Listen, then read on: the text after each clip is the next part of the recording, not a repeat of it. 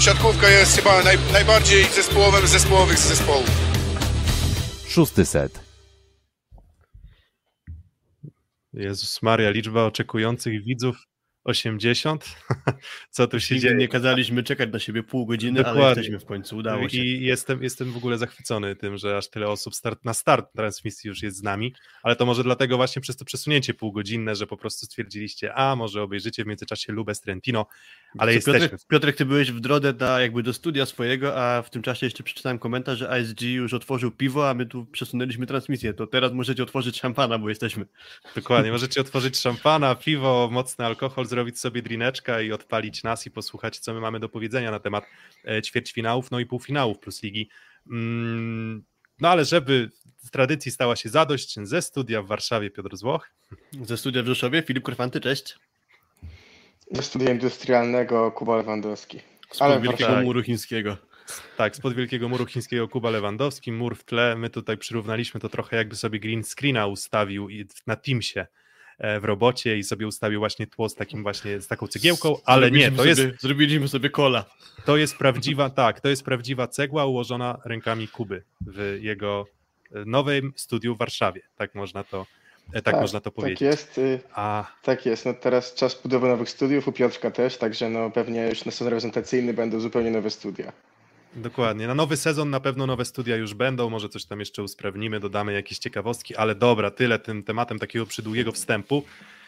Uff, działo się. Em, przed transmisją, czy w zasadzie przed meczem Jastrzębskiego Węgla, wczoraj z Treflem, decydującym o awansie jednej z dwóch drużyn do półfinału, powiedziałem, że będzie to zamiast szóstego seta będzie to szósty przegryw, bo mamy tutaj kibica Resowi, mamy kibica ZS Olsztyn i mamy kibica Trefla Gdańsk. Panowie, jak nastroje po tych wyrównanych rywalizacjach, ale jednak z punktu widzenia klubów, z którymi sympatyzujemy, którymi, którymi kibicujemy, niestety przegrana. Pomimo, myślę, że walki bardzo, bardzo ciekawej i bardzo okupionej bardzo dużym wysiłkiem i też y, pokazanego bardzo ciekawego poziomu sportowego, właśnie też wśród przegranych, więc to były play, playoffy na ćwierćfinały na całkiem wysokim poziomie. Jeszcze mogliśmy sobie kibica GKS-u Katowice jakiegoś skombinować, już byłby totalnie komplet przegrywów, można powiedzieć. Nie, tak naprawdę z 12 meczów ćwierćfinałowych, które ewentualnie mogłyby się odbyć, e, mieliśmy meczów 10, więc chyba z tego powodu można być zadowolonym. Chociaż niektóre mecze, mimo że trwały, niektóre ry- rywalizacje, mimo że trwały dwa mecze, to jakby zadowoliły mnie trochę bardziej, aniżeli te, które trwały trzy spotkania, bo tak naprawdę, mówiąc bardzo ogólnie, te mecze Trefla z Jastrzębskim Węglem to w zasadzie e, no, niby trzy, a tak naprawdę dobry był jeden, bo później Trefl Gdańsk już większego oporu Jastrzębianom nie sprawił.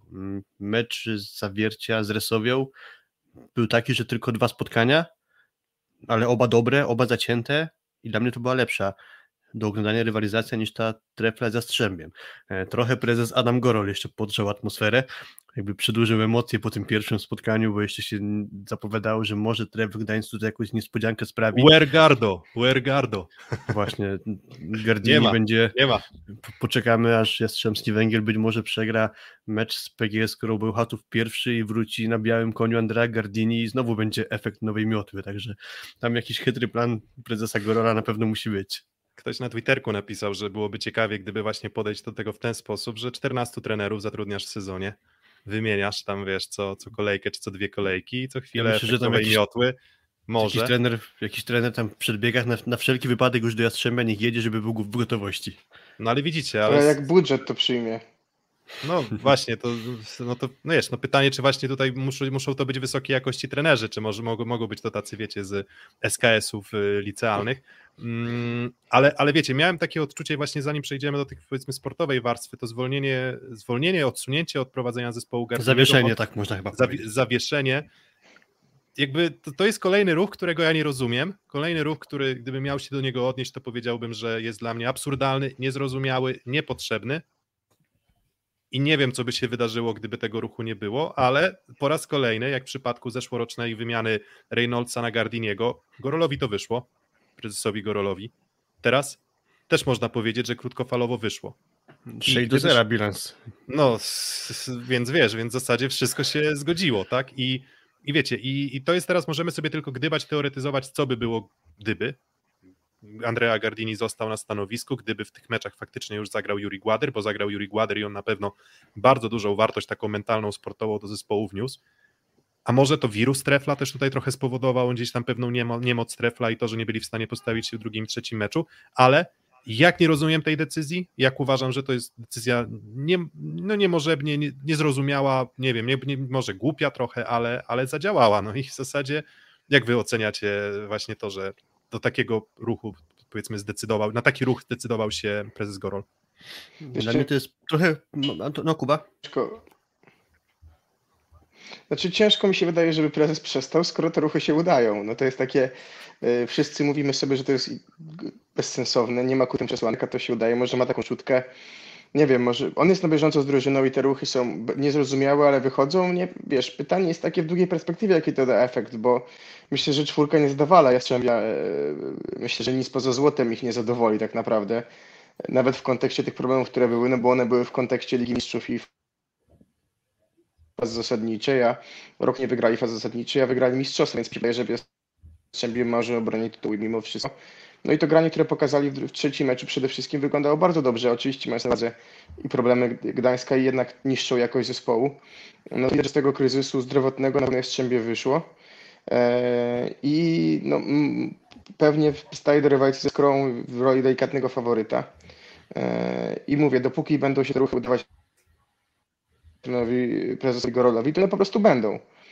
I bo, bo skoro dają efekt, no akcjonariusze mówią, ok, rządzi klubem, daje efekty, to niech będzie dalej prezesem, a skoro jest dalej prezesem i dalej lubi takie ruchy i mu wychodzą, to będzie i dalej robił. Trochę błędne koło. Mm, dokładnie, a póki co jestem w sumie ciekawy ASG. Fornal podsumował go rolę w dzisiejszym wywiadzie. Ja z tym wywiadem jeszcze jestem do tyłu, więc jeśli ktoś mógłby streścić w czacie, to jestem ciekawy, co tam padło. Chyba, że znaczy, wy panowie coś bardziej, wiecie. Tak, znaczy to jeżeli nie chcę tutaj niczego przeinaczyć, ale to było chyba takie, uderzy, sformułował to w taki sposób, że tu nie chodziło do końca o zmianę trenera, o to, że oni nie grali na miarę swoich możliwości, że wrócili trochę na, na swój poziom i że tak trochę, trochę jakby nie do końca pełnym zrozumieniem wykazał się dla tej decyzji.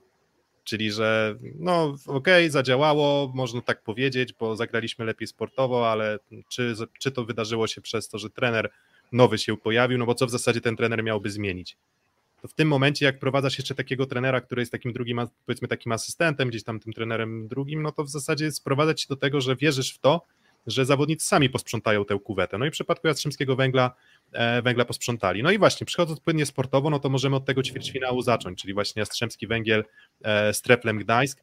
E, jeżeli ktoś by się cofnął do naszego poprzedniego live'a przed ćwierćfinałami, to wróżyliśmy, że raczej nie dajemy dużych szans Treflowi na awans, ale mówimy, że może tiebreak, a tutaj Tref chyba przekroczył oczekiwania wszelkie i kontynuując tę swoją dobrą pasję z, końcówki rundy zasadniczej, wyszedł ze stanu 0-2 w pierwszym meczu w Jastrzębskim Węglu i, no i chyba zasłużenie ten mecz wtedy, mm, wtedy wygrał. Czy na tamtym etapie, po tym pierwszym zwycięstwie Trefla, mieliście takie przekonanie, że Trefl może awansować, czy jednak cały czas czuliście, że ta wajcha jest przechylona mocno w stronę Jastrzębskiego Węgla?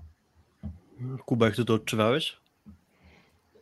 Hmm, raczej bym powiedział, że prędzej Jastrzębski mógł to przegrać niż trefno wygrać. Z tego tytułu, że gdzieś jednak ta drużyna, różnica dysproporcji w drużynach sportowych była dość spora. Co więcej, to co mówiłeś Filip w poprzednich odcinkach, chyba nigdy zespół się nie grał drugiego zespołu w tej fazie playoffu. I tutaj no mm, pewnie gdyby Jastrzębie było jeszcze na tej fazie problemów zdrowotnych trochę wcześniejszej, to byłoby to możliwe. Pamiętamy dwa mecze jednak. Jastrzębia z Treflem. 3-2-2-3. One były bardzo blisko siebie. I potem nastąpiła ta zmiana na 3, łatwe 3 do 0 i teraz pytanie na ile te problemy zdrowotne zmieniły właściciela, ale sportowo mimo wszystko Jastrzębie drużyną dużo lepszą, co chociażby pokazał jednak mecz wczorajszy, bo zobaczmy jak wczoraj chociażby Jastrzębie niwelowało e, zawodników e, większości ofensywnych e, trefla, jeżeli chodzi o defensywę, to wróciło tu Jastrzębie, które znamy. I wydaje mi się, że gdyby nie było tych problemów zdrowotnych, to pe pewnie Gdańsk mógł się być lepiej, bo w pierwszym meczu wyglądał lepiej, jeszcze był w pełni zdrowy, ale pewnie skończyłby się na 3-1, 3-2, koniecznie nawet by wygrał pierwszy mecz, więc tutaj ja też takich wielkich szans nie widziałem. Mówiąc szczerze, szczególnie wczoraj, na pewno większe widziałem w sobotę u siebie w hali i te dwa pierwsze sety były wyrównane, tam błąd sędziego przy wyniku na styk, trochę zdecydował, natomiast no, trzeci set chociażby pokazał, że i tak i tak jest Jastrzębie, mam wrażenie, że miało to wszystko pod, kontrolą, szczególnie po wygraniu pierwszego seta w Gdańsku, tak mocno mentalnie się uspokoili. Ja w ogóle miałem wrażenie tak po tym pierwszym meczu, że tak naprawdę Tref ten mecz wygrał, ale to trochę nie słabością Jastrzębskiego Węgla, bo to nie był jakiś koszmarny, tragiczny mecz Jastrzębia, to po prostu Tref grał super, jakby Tref grał najlepszy moment ze swojej najlepszej e, ery takiej w tej rundzie zasadniczej plus ligi, tej rewanżowej, czyli po prostu mieliśmy Tref na dobrym poziomie swoim grającym, e, a później już tak nie było, w drugim, trzecim meczu Tref został totalnie zneutralizowany przez Jastrzębie, ale w pierwszym jeszcze Jastrzębie, mimo że grało dobrze, to nie potrafiło sobie z tym Trefem poradzić. No, trochę lipiński, lipiński show. I teraz coś, jeszcze jeden temat, który w kontekście tej rywalizacji nasuwa mi się, czy pytanie, co by było, gdyby Tref Gdańsk nie musiał grać jednak takiego ogromnego natężenia spotkań, bo to było tak, sobota Jastrzębski Węgiel, poniedziałek wyjazd do Kędzierzyna, środa już mecz z Jastrzębskim Węglem w ramach e, ćwierćfinału playoff, i może oczywiście problemy zdrowotne. To też jest tak, że ja mam z tymi problemami zdrowotnymi pewien problem, bo teraz wszyscy trochę traktują to. To jest zły, złym słowem byłoby wymówka, ale traktują to jako pewne usprawiedliwienie dla słabszej postawy sportowej. Mam wrażenie, że aż tak dużo o powiedzmy infekcjach czy tych chorobach wcześniej się nie rozmawiało i mogliśmy oceniać to przez pryzmat parkietu tym momencie jest trochę tak, że gdybamy, co by było gdyby, gdyby Trell był zdrowy, ale myślę, że na pewno duży wpływ miało to, że ten szaleńcze tempo tych playoffów, rozgrywane tak co trzy dni, co trzy dni, trzy dni tu, trzy dni tam, jeszcze dodatkowo podróż z Gdańska do Jastrzębia, z Jastrzębia do Gdańska, to wszystko na pewno Treflowi nie pomogło. No i znowu, Liga taki kalendarz sobie przygotowała, że Tref Gdańsk wykorzystał szansę na wejście do playoff. Nie wiemy, co by było, gdyby, e, gdyby Tref Gdańsk miał chwilę na odpoczynek, gdyby te playoffy odbywały się w rotacji, nie wiem, dwa mecze i potem tydzień.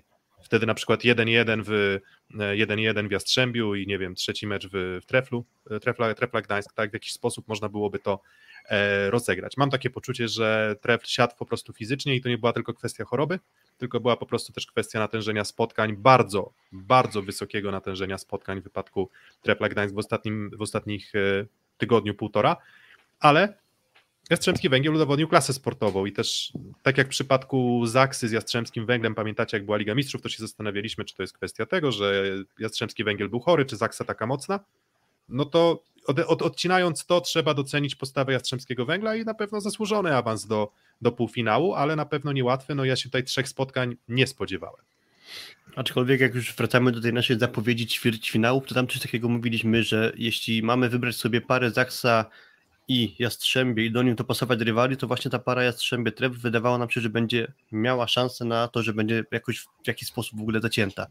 Więc tu chyba jakby z tym można powiedzieć, że to przewidywanie nasze lekko się sprawdziło, bo to rzeczywiście nie był spacerek e, dla Jastrzębian taki, jaki był chociażby dla Zaksy, e, ten dwumer z GKS-em, bo tam mi się wydaje, że rozbieżność między dwoma zespołami już była większa. Tam GKS tylko w spotków tak naprawdę lekko się postawił. Nie wiem, powiem czy... tak, y, powiem tak. Po pierwsze, y, chyba ja powiedziałem nawet, bo Piotrek to przypomniał, odsłuchując y, nasz live sprzed ćwierćfinałów, że może to być podobna sytuacja jak z Kazaksa rok temu i trochę taka była, że jeden decydujący mecz dość łatwo wygrało Jastrzębie, no ale były trzy mecze. Jeżeli chodzi natomiast o Katowice, Zaksa, Zaksa GKS, to tak, pierwszy mecz, kolosalna kontrola Zaksy, Gdzieś to była ta pierwsza seria, pamiętacie, niespodzianek, tak? Bo wygrana, wygrana Olsztyna, wygrana Gdańska, wygrana Zawiercia, która wtedy no, wydawało nam się, że może była delikatnym faworytem. No i ta Zaksa, która tak naprawdę no, nie dała szans Katowicom. Więc to było takie pokazanie dalej tej, tej, tej supremacji. Natomiast mecz poniedziałkowy y, w, y, w Katowicach wspaniałe widowisko, wspaniałe show, jeżeli chodzi o i dobry dzień, i spodek, zawsze fajna sprawa. I fajny początek meczu, gdzie widać było, że GKS wyszedł na mecz no bez, nie mając nic do stracenia. Super zaczął grać ma, męczył się Semeniuk. Były momenty zaczepienia dla Katowic, bo powiedzmy sobie tak, pierwszy set wygrany na przewagi, w trzecim spora przewaga Katowic i tak naprawdę potem trochę takie błędy, że ten Mariański miał wziąć piłkę, przeszkodził mu Kuba Jarosz i ta końcówka tak naprawdę, gdzie już Huber właściwie i dwoma blokami i atakami na kontrach zbudował tą przewagę, no zabrała tak naprawdę szansę pewnie Katowice na tiebreak, choć, bo mam wrażenie, że Zaksa musiała się tego dnia znieść ponad swoje problemy, które miała tego dnia jakieś tam, chociażby skuteczność lewego skrzydła, e, żeby ten mecz wygrać, więc dla Katowice powalczenie. Chwała za to, że był mecz spotku, ja takie inicjatywy zawsze bardzo cenię. I można powiedzieć, że no to jest też naprawdę nagroda dla każdego z tych zawodników jednak było zagrać w spotku, zagrać z Aksą, zagrać pierwszy raz w playoffach, bo myślę, że to zawsze też pewna nobilitacja dla zespołu, który jakby no przewidywany był budżetowo i przez nas raczej walcząc o utrzymanie, a za, utrzymał się w playoffach i to nawet nie czekając na wyniki trefla. Mm, zanim jeszcze tak, zanim jeszcze ten przejdę i ja dodam swoje trzy grosze do tego starcia, no to odpaliłem ankietę, kto bohaterem playoff Jastrzębski Trefl i tak myślę, że możemy sobie taką ankietę właśnie odpalać. Mam kandydatury takie, Szymura, Fornal i Lipiński. Mm, no i właśnie, moi, moim zdaniem Szymura jest to postacią najlepszą, w sensie on był tym zawodnikiem, który na dystansie trzech spotkań albo tych dwóch zwycięstw Jastrzębskiego Węgla dał najwięcej wartości, co też pokazuje, że ja go trochę krytykowałem za pierwszą część sezonu, przegrywał z rywalizację z Kleveno, ale już chyba coraz lepiej odnajduje się w tym systemie też gry defensywnej Jastrzębskiego Węgla, ale nie tylko, bo on w zasadzie właśnie robił to, za co ceniliśmy Szymurę na przykład jeszcze w barwach GKS-u Katowice. Czyli w zasadzie był allrounderem, który tu dołożył blokiem, tu dołożył zagrywką, z przyjęciem nie zawsze idealnie, ale radził sobie z piłkami też sytuacyjnymi i moim zdaniem właśnie na dystansie tych trzech spotkań, no to właśnie Szymura był um, był postacią dla mnie, dla mnie osobiście najważniejszą w Jastrzębskim Węglu i brawo za to, że chyba już się odgruzował z tego długiego okresu um, ławki rezerwowej, przebywania na ławce rezerwowej i już chyba zaczyna być tym takim istotnym, ważnym elementem Jastrzębskiego Węgla, natomiast oczywiście zweryfikują to też mecze półfinałowe i finałowe, tak, no bo to Jastrzębski Węgiel, jeżeli ma te aspiracje, to Szymura będzie musiał sprostać też aspiracjom walki o złoto. Mhm. Na czacie pojawił się dobry komentarz, że to ankiety ktoś inny, bo nie ma prezesa Gorola. no tak, tak. No jest super Gorol, Można super powiedzieć. prezes, top. W pewnym Dokładnie. momencie najwięcej się właśnie mówiło o prezesie Gorolu, ale to zostawiamy sprawy powiedzmy niezwiązane stricte z boiskiem, poza tym boiskiem. E, Rafał Szymura no. pełna zgoda, komisarz dwukrotnie e, w tych meczach wybierał go MVP, więc tu chyba można na tym zamknąć, poza tym, że takie ogólne wrażenie co do Rafała Szymury mam względem Kleveno, bo jakby taki jest punkt do porównania, no to Szymura ma większą amplitudę wahań. Jakby więcej wiadomo, czego się spodziewać po Kleveno, mimo że on może nie jest w stanie zagrać na krótkim dystansie tak świetnie, jak to robi Szymura, to jednak on nie wpada też w takie dołki, jak się zdarzają Szymurze. Takie jest moje ogólne wrażenie co do tych dwóch zawodników. No ale w przypadku Szymury faktycznie te ostatnie jego występy nie dały w ogóle powodu do tego, żeby mm, go zmieniać i tęsknić za Klebenotem, aczkolwiek chyba jednak na dłuższym dystansie wolałbym bardziej stabilnego e, Francuza, którego no, chyba się zanosi, że raczej już na dłuższym dystansie na boisku nie zobaczymy tej rywalizacji, aczkolwiek zobaczymy jak to będzie. Na razie Szymura daje radę. Mm, zastanowiłbym się jeszcze nad Hadrawą, który mi się podobał już w tym meczu numer 2 i 3, ale z kolei zawiódł totalnie w meczu numer 1 i musiał wchodzić Stefan Boye. I też miałem trochę takie wrażenie, że coś niedobrego się z Jankiem podziało, zanim się zaczęły półfinały, e, ćwierćfinały. Czyli, że taki jakby lekki dołek formy, bo długo mówiliśmy o tym, że w ogóle Jastrzębie nie musi tęsknić za Stepanem Boje, bo Janek grał świetnie, po czym trafił mu się gorszy okres i to było kontynuowane w tym pierwszym meczu właśnie Jastrzębia z Treflem. Janek został zmieniony przez Boje. Potem, nie wiem, czy to trener Gioli to właśnie w ten sposób odmienił Jastrzębie, że postawił znowu na Janka i Janek grał świetnie, czy o co to chodzi, ale, ale, ale Hadrawa wrócił do siebie. Też moim zdaniem to była jedna z wieśniejszych postaci Jastrzębia. Mm, a Tref Gdańsk? MVP Trefla? Ja odwrotnie Absolutnie muszę... Lipińskie. Napisałem nawet, tak, napisałem nawet nam, że tak jak w rywalizacji Zaksa Jastrzębie odstawało Jastrzębie poza Fornalem, który był wtedy na poziomie zawodników Zaksy, tak tutaj Lipiński pokazywał, że jest zawodnikiem, który nie odstaje jakościowo od, od zawodników Jastrzębia i mieli falowania. Wczoraj nieźle wyglądał Mika, no chociaż przy 3-0 i wyniku do 17, 16, 18 ciężko powiedzieć, wyglądał nieźle, ale falowali, wyłączeni często atakujący, więc też szczególnie wczoraj, czy, czy, czy też już w Ergo Arenie środkowi, więc tak naprawdę Olimpijski to trzymał na sobie. I myślę, że też dobry transfer znowu chyba wykonał Olsztyn Chyba, chyba pisałeś chyba. o tym tak na swoim Twitterze, że znaczy, nowy, nowy, nowy, nowy przyjaciel się pojawia. Chyba. Poczekamy, poczekamy na potwierdzenie, ale, ale, ale tak, ostatni mecz, no, jeżeli chodzi o ten ostatni mecz rywalizacji, wniosków bym specjalnie nie wyciągał, ale mówię, Lipiński w tych pięciu bardzo trudnych meczach y, czyli Zaksa, znaczy Jastrzębski Węgiel, Zaksa i potem trzy mecze z Jastrzębskim Węglem, no zdecydowanie najjaśniejsza postać. Mm, no a Tref Gdańsk, już tak podsumowując, pewnie przejdziemy, chwilę będziemy rozmawiać też o rywalizacji 7-8 z GKS-em Katowice, ale to może najpierw mówmy ten, e, ten, ten, dwumecz Zaksy z GKS-em Katowice. Wskazywaliśmy, że raczej każdy wygrany set GKS-u Katowice będzie sukcesem, no i udało się ten, e, ten jeden set e, wygrać, ale no dla Zaksy to był no, pokaz siły, tak? No, nie bardzo nawet mam tutaj jakiś bardzo mądry komentarz, bo mm, wiecie, jeżeli o, mam, znaczy mam jeden komentarz, jedną postać. Norbert Hubert, 22 punkty w meczu.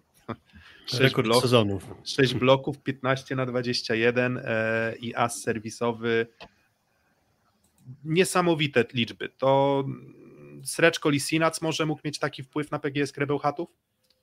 Trochę Simon, um, oczywiście w barwach Lube, ale w polskiej lidze.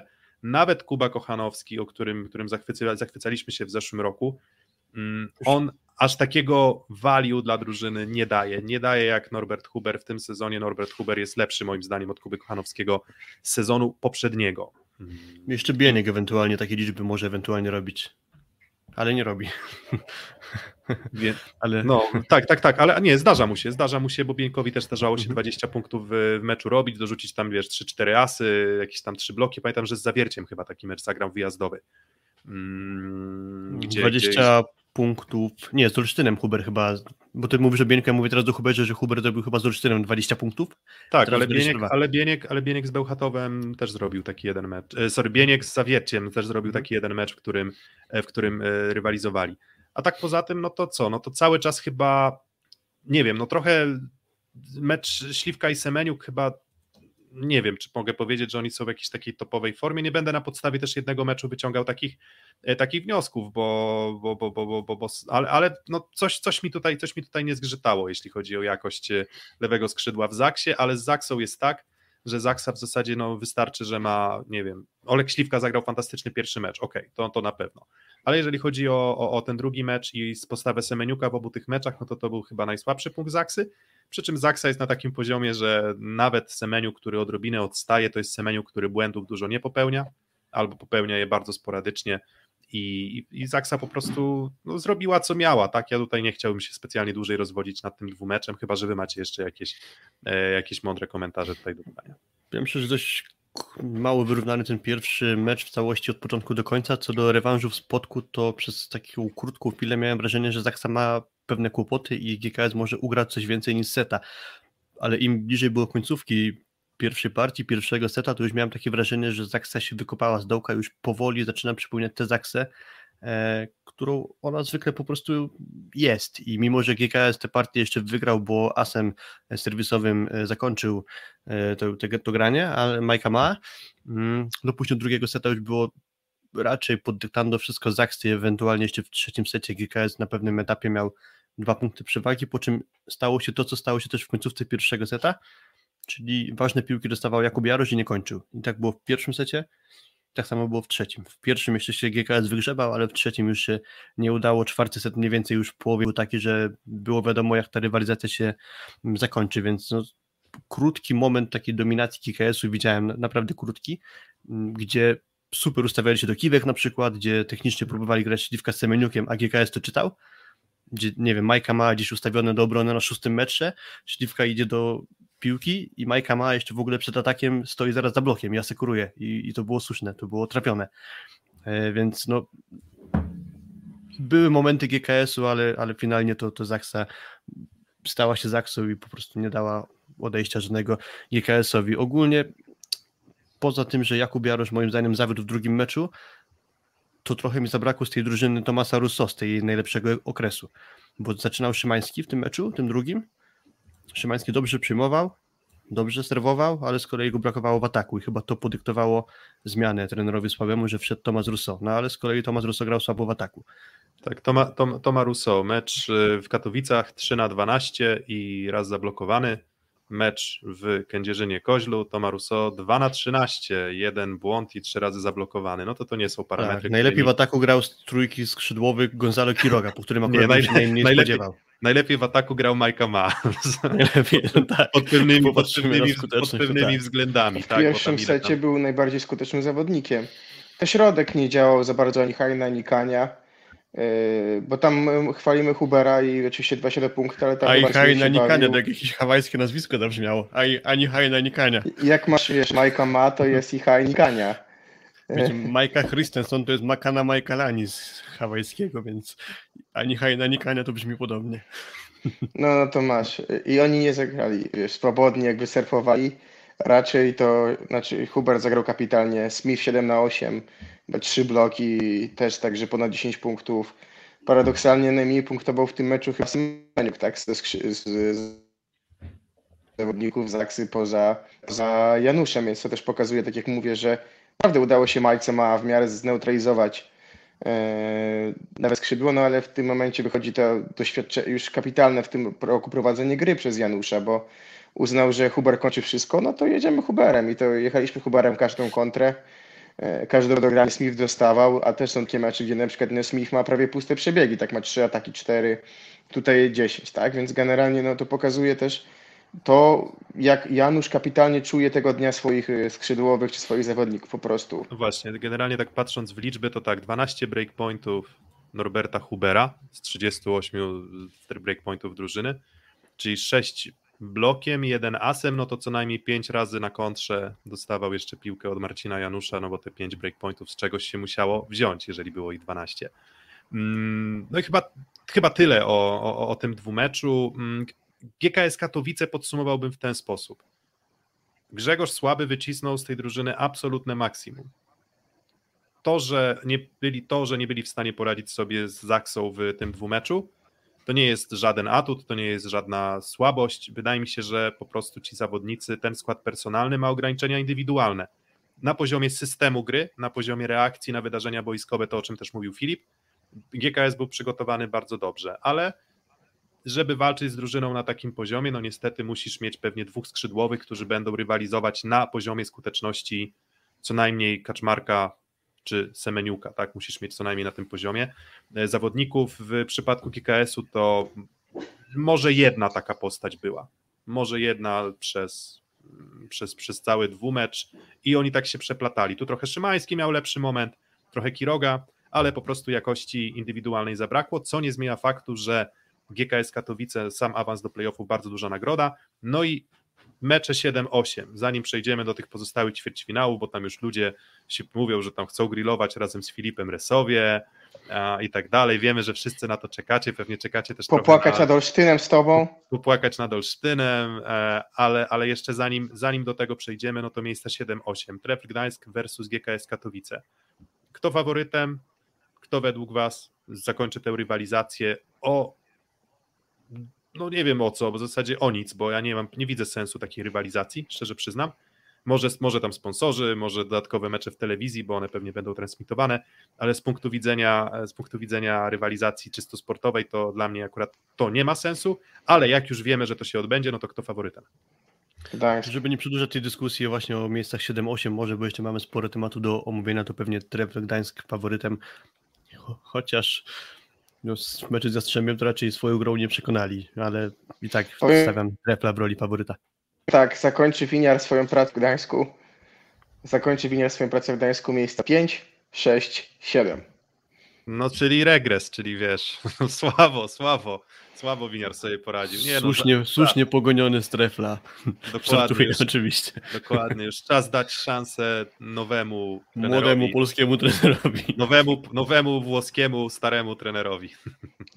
Prawdopodobnie. Tak, jeśli- dokładnie. Jeśli Tak. o to chodzi. Um, nie, no, wydaje mi się, że trefl. Odpaliłem jeszcze ankietę, więc możecie na szybko zagłosować. Widzę, że spodziewam się raczej, że to będą e, odpowiedzi na trefla.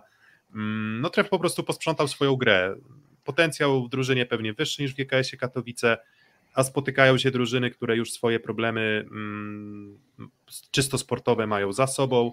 Udało się Winiarskiemu dojść do tego poziomu, żeby tę drużynę skonsolidować, poprawić, również z dużym udziałem wydatnym pewnie Paszyckiego.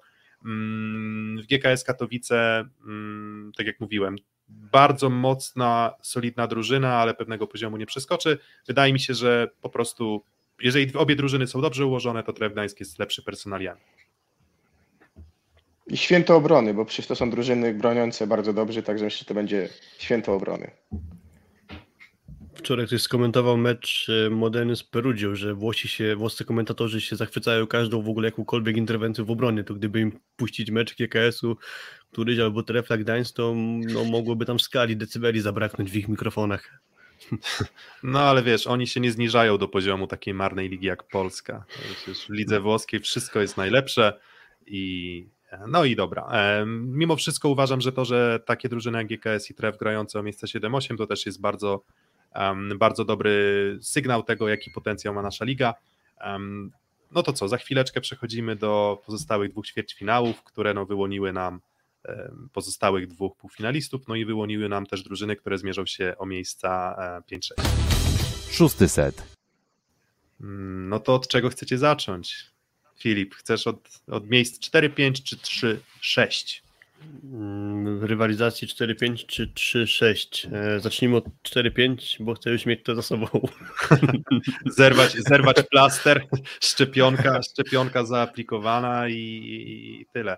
A... Tak, Rafał, e, sorry, Rafał Tomkowiak, e, tak, tutaj pisałeś o tym. Nie byłem w stanie sobie przypomnieć, to na Twitterze napisał o tych komentatorach włoskich. Także, także tak. A, tak, okej. Okay. Dobra. Mm, no co, no pierwsze pytanie chyba się nasuwa takie, jak bardzo jesteś rozczarowany i czy jesteś bardziej rozczarowany niż byłeś, gdy Resowia przegrała z Bełchatowem w zeszłym sezonie? Jestem mniej rozczarowany, dlatego że aż tak bardzo mnie Resowia w tym sezonie nie zawiodła, jak zawiodła mnie w tamtym, bo tam miałem wrażenie, że Resowia jakby pnie się w górę, po czym personalnie nie każdemu ten mecz wyszedł i, i miałem sporo właśnie Czyli, czyli tutaj po prostu tutaj byli po prostu za słabi i wiecie, jakby uznałeś, że to może się wydarzyć, tak?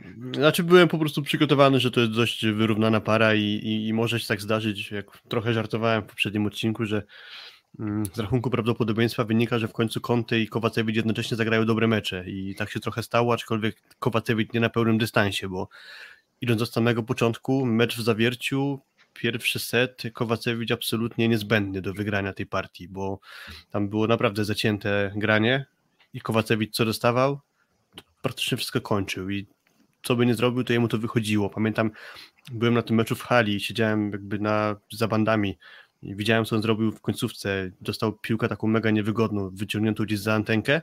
On sobie spokojnie poczekał, aż trochę mu opadnie, aż dokładnie zobaczyć, gdzie jest blok Resowi. Dwoma rękami sobie tam nabił ten blok za chwilę dostał powtórkę, kolejnym plastem już zdobył punkt. I to był taki sygnał, że dobra, Urosz Kowacewicz jest tym gościem, który tutaj będzie sprawiał problema Sekoresowi. Mm, do tego dołączył oczywiście Conte z Konarskim, ale jak jesteśmy przy Uroszu, drugi mecz, pierwszy set i Kowacewiczowi nic nie wychodzi, on dostał 4 czy 5 czap. A potem popatrzymy na statystyki całościowe i widzimy, że ma 9 bloków punktowych na jego koncie, jego zablokowane 9 razy. Przy czym jak odejmiemy te 4 czy 5 z samego pierwszego seta, no to nie jest żaden dramat. Więc ja uważam, że to był powiedzmy najrówniejszy średnio mecz pary Conte Kowacewicz. To się w końcu wydarzyło. Do tego jeszcze znakomity Dawid Konarski. No i geneza problemu Waseko Rysowi już chyba jest jasna. Mm, no właśnie, ja tak szukałem, szukałem powodu. Szukałem powodu, dla którego mm, też wbrew naszym typom, no bo trzeba to powiedzieć otwarcie, no stawialiśmy jednak Asekoresowie, tak jak mówi, ja to pamiętam, 57 do 43 chyba. Czyli, że mniej więcej wyrównanie, ale jednak ta wajcha delikatnie przechylona w stronę Resowi Rzeszów, nie bardzo mocno, ale jednak. Jednak Aseko Resowia Rzeszów nie podołała. Mm, I w tej naszej analizie z poprzedniego meczu wskazywaliśmy na to, że problemem Aseko, problemem zawiercia w rywalizacji z Aseko Resowią Rzeszów może być gra w defensywie. I jakbyśmy spojrzeli na to, jak skutecznie radziła sobie Aseko Resowia Rzeszów, to była to prawda. Tyle tylko, że to atuty Resowi z gry blok obrona, do których wydawało się, że Resowia pracowała, pracowała, budowała przez praktycznie całą część, drugą rundę przez drugą część rundy zasadniczej już z Marcelo Mendezem, nie nie była w stanie tego atutu pokazać w żaden sposób, moim zdaniem. I może to jest tak, że wiecie, że patrzymy sobie na liczby, wyciągamy wnioski, a może po prostu side-out zawiercia, może po prostu gra na wysokiej piłce, na trudnych piłkach, bo Uroż sobie z tym radzi fantastycznie. Przypomina mi się piłka, którą otrzymał gdzieś na, nie wiem, na środek siatki i zmieścił się obok podwójnego czy potrójnego bloku, który mu skoczył. To był jakiś tam dyszel chyba przerzucony przez e, Tavaresa, tak? Ta piłka nigdzie nie doleciała, ona nie doleciała do antenki nigdzie, a mimo to Urosz Kowacewicz się mieścił i do, dorzucam kiwki, tak, ile było sytuacji w meczu na podpromiu, w których nawet Conte w samej końcówce tą mięciutką roladą fantastycznie zakończył. To było fantastyczne uderzenie wtedy, co Kochanowski e, się popsuł. Gdyby nie kontuzja Kochanowskiego, pewnie można byłoby to wrzucać spokojnie do highlightsów. Mm, no zresztą tam... Zagrań sezonu. Zagrań, zagrań sezonu, ale ale to był przykład dobrze wykonanej kiwki, ale miałem takie poczucie, że Resowia nie radziła sobie. Może właśnie to był atut zawiercia, może taka była przygotowana taktyka, żeby próbować ich też zamęczyć yy, kiwkami. I Resowia moim zdaniem na dystansie tego, tych dwóch meczów sobie nie radziła i to nie radziła sobie w taki sposób, że te piłki walczyli, walczyli, niby walczyli, bo to one się odbijała od jednego, drugiego zawodnika, ale finalnie gdzieś lądowała albo obok linii bocznej, albo gdzieś za linią końcową. Więc nie mogę zarzucić Resowi, że ona nie walczyła czy coś, ale nie byli, do, nie byli dobrze przygotowani, moim zdaniem, z reakcją na, na ten typ zagrań, a i Conte, i Kowacewicz, i też trzeba przyznać Konarski, fantastycznie są bardzo dobrze wyszkoleni technicznie. To, to, to nie są typowi siłowi gracze. Może Resowi wbrew pozorom, wbrew pozorom byłoby łatwiej zatrzymać, nie wiem, Atanasiewicza. Tak, tak? jest krę. Czy, tak, czy, czy, Dika, czy Dika Koja. Właśnie do tego chciałem zmierzać. Nie mam na to liczb, a to są moje jedynie takie optyczne wrażenia, że o ile mówimy, że Mendes po przyjściu poprawił relację blogobrona Rysowi, bo moim zdaniem poprawił i to się e, da spokojnie obronić, o tyle charakterystyka graczy Rysowi jest taka, że w bloku nie są na najwyższym poziomie technicznym, może tak bym powiedział, albo jeszcze inaczej, że z czołowych najlepszych drużyn plus ligi Aseko Rysowia ma najbardziej podatny na obijanie blok Mhm. Czyli coś jest technicznie po prostu w tych graczach, że ich jest względnie łatwo obić.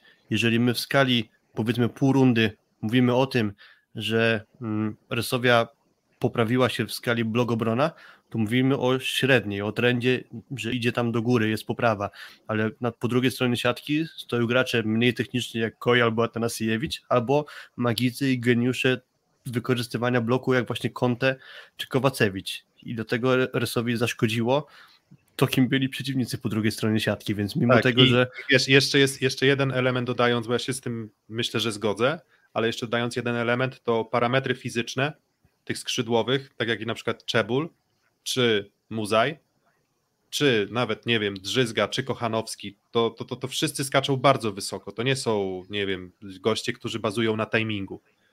O Czebulu przecież też mówiliśmy bardzo długo, że on właśnie ma problem z technicznym ułożeniem bloku, że no wiecie, no parametr, no co, no ciężko jest się doczepić do parametrów fizycznych. Natomiast no tutaj też e, Tomkowiak 666, czy nie uważacie, że sobie wykończyły sprawy zdrowotne? Oczywiście, że tak. Wiemy, że Klement Czebul nie był na, na tym swoim najwyższym poziomie zdrowia. Sam Dero tak samo. I, i, I sam Dero tak samo. Dalej kontuzja Kochanowskiego na przebieg meczu aż takiej dużego wpływu nie miała. Wiesz co, Piotrek, przerwę Ci, bo uważam, że to była ostatnia szansa Sekoresowi, czyli Kuba Kochanowski w momencie kontuzji był bodajże jedno lub dwa ustawienia od pójścia na zagrywkę. A chociażby drugiego seta w zawierciu odwrócił Kochanowski swoją zagrywką. Więc tam było jeszcze tym, w tym secie czwartym na styku, więc gdyby on zdążył pójść na zagrywkę, to to ewentualnie jeszcze może by przedłużyło szansę Resowi. To, to, ale to nie wiemy tego na pewno. No w każdym razie jakaś tam jeszcze szansa w Kochanowskim mogła być położona. Jesteś wyciszony, Piotrek. Mm, dobra, dobra. To teraz tak, kolejny, kolejny sąd nad kolejnym zawodnikiem. Maciej Muzaj. Jedyny zawodnik, który trzymał w grze Asekoresowie w meczu wyjazdowym. Tak, bo to znaczy on i Kochanowski, ale jeżeli chodzi o lewe skrzydło, to wyglądało to po prostu przeciętnie piłka zaatakowana z bardzo, trudnej, bardzo trudnej sytuacji przy meczowej dla zawiercia w czwartym secie półsiatki, ale, ale piłka koszmarnie trudna, więc tutaj w ogóle rozgrzeszam Macieja Muzaja. Ale znowu powróciły stare demony, no i wiecie, to jest trochę tak, że na podstawie jednego czy dwóch meczów w zeszłym sezonie została przylepiona łatka Karolowi Butrynowi, że on nie daje rady w playoffach że on nie daje rady z ważnymi, ważnych meczach, z ważnymi rywalami. Czy przejdziemy do tego meczu? Myślę, że Karol Butryn udowodnił, że daje radę jednak. Mm, z Maciejem Muzajem jest trochę tak, że bardzo długo w tym sezonie walczył z tą łatką zawodnika, który po 20 punkcie potrafi też kończyć ataki. No i niestety wszystko w zasadzie szło w dobrym kierunku, ale rozsypał się całkowicie, nie wiem czy to jest kwestia presji czy, czy czego, ale ten czwarty set e, w starcia na podpromiu już bardzo słaby. No i jak tu ocenić Macieja Muzaja? Z jednej strony ten pierwszy mecz bez jego wydatnego udziału mógłby być, no, zakończyć się szybciej dla zawiercia, może nawet niż to taki wyrównany 3-1 i pozostawiał Resowie w grze. W drugim meczu też miał dobre momenty, ale jednak w decydujących, decydującym momencie zawiódł bardzo. No i jak, jaką tu miarę znaleźć dla właśnie Macieja Muzaja? Mm, Ja się posłużę słowami Mendeza, nie pamiętam dokładnie cytatu, ale wydźwięk tego był taki, że on docenił sposób ustawiania się bloku zawiercia do grania z Maciejem Muzajem, czyli e, po prostu docenił pracę domową zawiercia, żeby zneutralizować Muzaja, a do tego to nie było bezpośrednio w drzyzgę, ale skrytykował dystrybucję po prostu Asekorysowi, że było za dużo grania prawym skrzydłem, a za mało środka i za mało pipa.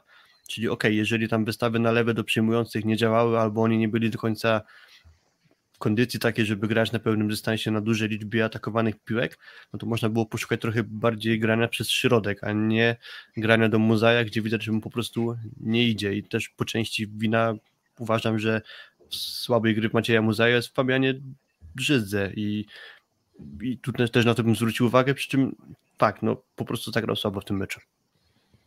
Mm, Kuba Kochanowski, Golgota.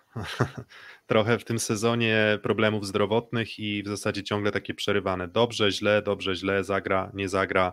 Um, na playoffy był przygotowany fantastycznie, bo znowu można się podeprzeć cyframi, ale 8 na 10, 16 zagrywek bez błędu, blok, w, przepraszam, 10 na 13, 21 zagrywek, as, blok w meczu wyjazdowym, w meczu u siebie 6 na 7, 3 bloki, 2 asy, 18 zagrywek, najwięcej, najwięcej w zespole. Przygotowany był kapitalnie i no i to na pewno, na pewno nie on zawiódł i, i takim trochę chyba smutnym skwitowaniem tego całego sezonu dla Kubkanowskiego jest właśnie ta kontuzja e, bardzo, bardzo pechowa. No ale on, on na pewno na pewno nie zawiódł. Mm. I widzicie, ale tak trochę rozmawiamy, rozmawiamy i nie ma w nas takiego ognia, że tak chcielibyśmy grillować Teuresowie, ale to jest trochę tak, jakbyśmy, nie wiem, no próbowali, nie wiem, zaraz pewnie grillować AZS Olsztyn za to, że przegrali. No równa rywalizacja, bardzo równa rywalizacja. Rywalizacja na żyletki, e, przy czym Resowia udowodniła tymi, tym dwumeczem to, że oni w tym sezonie są rozchwiani. Wspominaliśmy o tym rozchwianiu, nie wiem, czy pamiętacie? Tak, tak. Mówiliśmy o tym, czy to, czy jaką Resowię zobaczymy. To będzie bardziej Resowia z Zaksą, czy to będzie bardziej Resowia z Suwałkami. I w, tym, w tych ośmiu setach te rozchwiania Resowi działy się w zasadzie na dystansie 10 akcji. 10 akcji bardzo dobrych, 10 akcji beznadziejnych. Plus 4, 22, 18, rozjazd. W meczu u siebie i miałem takie poczucie, i to też mylne, bo nic nie ma za zasługi, że Resowia była bardzo godnym rywalem i pod wieloma względami przez długich fragmentach tego meczu miałem wrażenie, że Resowia miała kontrolę nad wydarzeniami boiskowymi, ale, ale nie za to daje się zwycięstwa, nie za to daje się punkty i, i po prostu jakoś ta, w tej sinusoidzie się tak jakoś działo, że Resowia wpadała w dołek, Zawiercie wychodziło w górę, ale Zawiercie nie miało aż takich dużych problemów. Poza pierwszym setem na podpromiu Zawiercie było dość powtarzalne. Resowia nie Ale była wie- powtarzalna i miałem wrażenie, że po prostu miała to w swoich rękach, ale, ale wypuszczała. Pierwszy mecz chociażby pokazał, że liczbowo wyglądała lepiej Resowia. I mówi się, że każdy punkt siatkówce jest równy. No, równy jest, ale ma inny ciężar. I wydaje się, mówiliśmy o tym w odcinku e, przed ćwierćfinałami. Bardzo skrzydła zawiercia są wyższymi zawodnikami. I to też są tacy zawodnicy, których mam wrażenie, że wolą nie popełnić czasami błędu, a zostawić piłkę chociażby w grze, żeby ponowić spróbować jeszcze raz albo wykonać zagranie konwencjonalne, niż pójść sztampowo. I to moim zdaniem było widać i było widać też bardzo dużą pewność siebie, która się nakręcała moim zdaniem w zawierciu, szczególnie w rewanżu, że jak oni zaczynali łapać to byka za rogi i nadgonić sobie, to ta gra ich się nakręcała. I y, dużo można mówić o budowie zespołu, no ale tam jednak każdy z trzech skrzydłowych był w stanie jakby sprawy w swoje ręce i pociągnąć drużynę w gorszym momencie. No chociażby Dawid Konarski, tak, w rewanżu jednak no, on zagrał bardzo, bardzo równy mecz i to, co też media klubowe zawiercie mówiły, tak, w pierwszym meczu, jak dobrze pamiętam, MVP był Urosz, prawda, w rewanżu mm, Konarski, a y, pewnie MVP obu meczów najbardziej równy był Conte i to też pokazuje jakby e, że te skrzydła pomogły. Mm, to, co tu pisze Oskar, tak? No w drugim meczu rzeczywiście te skrzydła Resowi poza Muzajem nie istniały do końca, bo Czebul nie był gotowy. Wiadomo, Szerszeń ma, wydaje mi się, problemy fizyczne, jeżeli chodzi o motorykę. Jeszcze trafa Buszek na czwarty set, trochę w formie, mam wrażenia, już strażaka. No a Dero, no, no pewnie nie po to przychodził. Myślę, że to jest jeden z największych zawodów, już tak a, absolutnie mówiąc o podsumowaniach sezonu i zawodach, no to myślę, że on wygra pierwsze miejsce. Tak, wszyscy, wszyscy wybaczyliby Samowi Dero słabą postawę na dystansie sezonu, gdyby tutaj dowiózł. No, nie dowiózł. Problemy zdrowotne? Być może. Jakby ale wiesz, to co nie, mówimy nie, mamy, nie mamy, tak? On nie wygląda nie mamy dobrze. Powodu, tak. Nie mamy powodu, żeby wątpić w, w, w... Ja, Jaki był powód, nie wiemy, ale fakt jest taki, że grał po prostu słabo i tu chyba co do tego nie ma większych zastrzeżeń e, w naszej ocenie. Mm, mówiłeś tylko o tym, że nie było ognia. Moim zdaniem jakby cała ta rywalizacja właśnie z Resowi z Zawierciem była pełna takiego ognia Nie, nie, nie, ja mówię, ja mówię, że nie ma ognia u nas pod grillem. Wiem, okej, okay. w sensie ognia pod Wiesz, grillem nie ma. Nie, mecze, mecze, mecze były i mecze właśnie były bardzo wyrównane, bardzo wiele zbiegów, y, znaczy bardzo wiele takich wahań i też e, okoliczności się zmieniały, to na jedną stronę, to na mhm. drugą stronę, mm, ale no więc, więc jakby ja nie mam, ja dla mnie to były fantastyczne, to, to był bardzo dobry ćwierćfinał i uważam, że finalnie w porównaniu do zeszłego sezonu, gdzie Skra zlała Bresowie, bo tak było faktycznie, że chyba można to tak nazwać, że, że wtedy na tym na dystansie tego dwumeczu, no to Resowia zaprezentowała się bardzo źle, no to tutaj kto wie, co by było, gdyby nie, nie problemy zdrowotne. Mm, no a zawiercie, a zawiercie jednak trzeba na jedną, jedną rzecz zwrócić uwagę, jak mówiliśmy o tym, że nie blokują, tak na dystansie czterech setów za Seko Resowią Rzeszów udało im się zablokować siedem razy, czyli nawet nie raz na set i no i bardzo niewiele. Albo to fantastyczny mecz zagrał Fabian, mecze zagrał Fabian Drzyzga i, i, i skrzydłowi Zawiercia, nie. znaczy skrzydłowi Resowi, ale pokazuje to, paradoksalnie pokazuje to, że możesz wygrywać nawet jak tego bloku punktowego nie masz, tylko że wtedy musisz po prostu wyprowadzać skuteczne kontry, co Zawiercie potrafiło robić. Tak? Więc jeżeli jest, bronili, bronili, co do tego bez dwóch zdań, na pewno bronili, ale blok punktowy, jak tego bloku punktowego nie było, tak nie ma i obawiam się, że z drużynami przejdziemy do tej analizy pewnie półfinału, ale z mocniejszą drużyną na skrzydłach, jaką jest Zaksa, Zawierciu już może po prostu tej atutu obrony trochę zabraknąć, bo po prostu bo, bo, bo silniej, bo precyzyjniej, bo wszystkie strefy otwarte, bo, bo, bo środkowi, bo drużyna kompletna, a, a, a na, Resowie to, na Resowi to wychodziło i bardzo dobrze byli przygotowani taktycznie do, do tych spotkań w obronie, ale blok nie, nie działał, ciągle nie działa. Tak, jeśli mówimy tylko o samych punktowych blokach, to Resowa tam chyba ponad dwa razy więcej w tym dwumeczu zanotowała, ale no, do tego chciałem tylko zmierzać właśnie, że tam nie chodziło o punktowe bloki, tylko oni się bronili obroną, jakkolwiek to brzmi, no to bronili się obroną. Dostawiali sobie piłkę w grze i też nawet było widoczne chyba to, że chyba nie starali się za wszelką cenę dograć super precyzyjnie piłki do siatki po przyjęciu, tylko jak było super mocno, to po prostu zostawiali sobie piłkę w grze, gdzieś tam na czwartym, piątym metrze, jest to na pewno mniej ryzykowne niż granie piłki na siatkę i mogli sobie na to pozwolić, bo w gazie byli wszyscy skrzydłowi. Co Tawarysz wystawiał, to było duże ryzyko dla Resowi, że tak zostaną obici, że zawiercie z tego wyjdzie zwycięsko, a, a pewnie to było kluczowe. I druga sprawa jeszcze, wykorzystanie środka e, przez e, Tawaresza. Czyli w głównej mierze granie środkiem było chyba na kontrakt, tak można powiedzieć, a rzadko w pierwszej akcji. Mm, trochę wymyślił sobie Tawar sposób na uruchomienie swoich środkowych, bo ja miałem takie jakby przemyślenie, że załóżmy porównując Tawaresza a Janusza, gdzie Huber dla Janusza jest sposobem rozwiązywania ofensywnej akcji, a Tawaresz musi szukać sposobu, jak zagrać środkowymi, żeby odciążyć skrzydłowych. Mhm. I, I, to właśnie było w taki sposób zrobione, że jak tylko była piłka na kontrze dobrze dograna, to, to było grane przez y, środkowy, głównie przez Patryka Niemca. A to, co wszystko było trochę trudniejsze, no to granie do skrzydłowych i też chyba forma po prostu ich odciążenia w ataku. Mm, no i tak, roz... Słucham.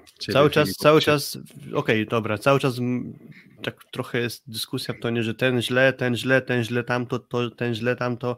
Przy czym nie, no, patrzymy tak... na wyniki, No bo tak zaczęliśmy, że tak, no Muzaj to zła, słabo, Dero z Czewulem słabo i tak dalej. No bo, Nie, no trochę, bo, trochę, no bo bo tak było, no, to, tak, tak było, trochę- ale zmierzam do tego, że popatrzcie, no, sporo jest do zastrzeżenia Resowi, po czym mamy mecz, który trwał 8 setów, a czy rywalizację, która trwała 8 setów, z czego 5 było rozstrzygnięte dwoma małymi punktami, jeden trzema i tylko dwa większą różnicą, czyli 6-5 punktów.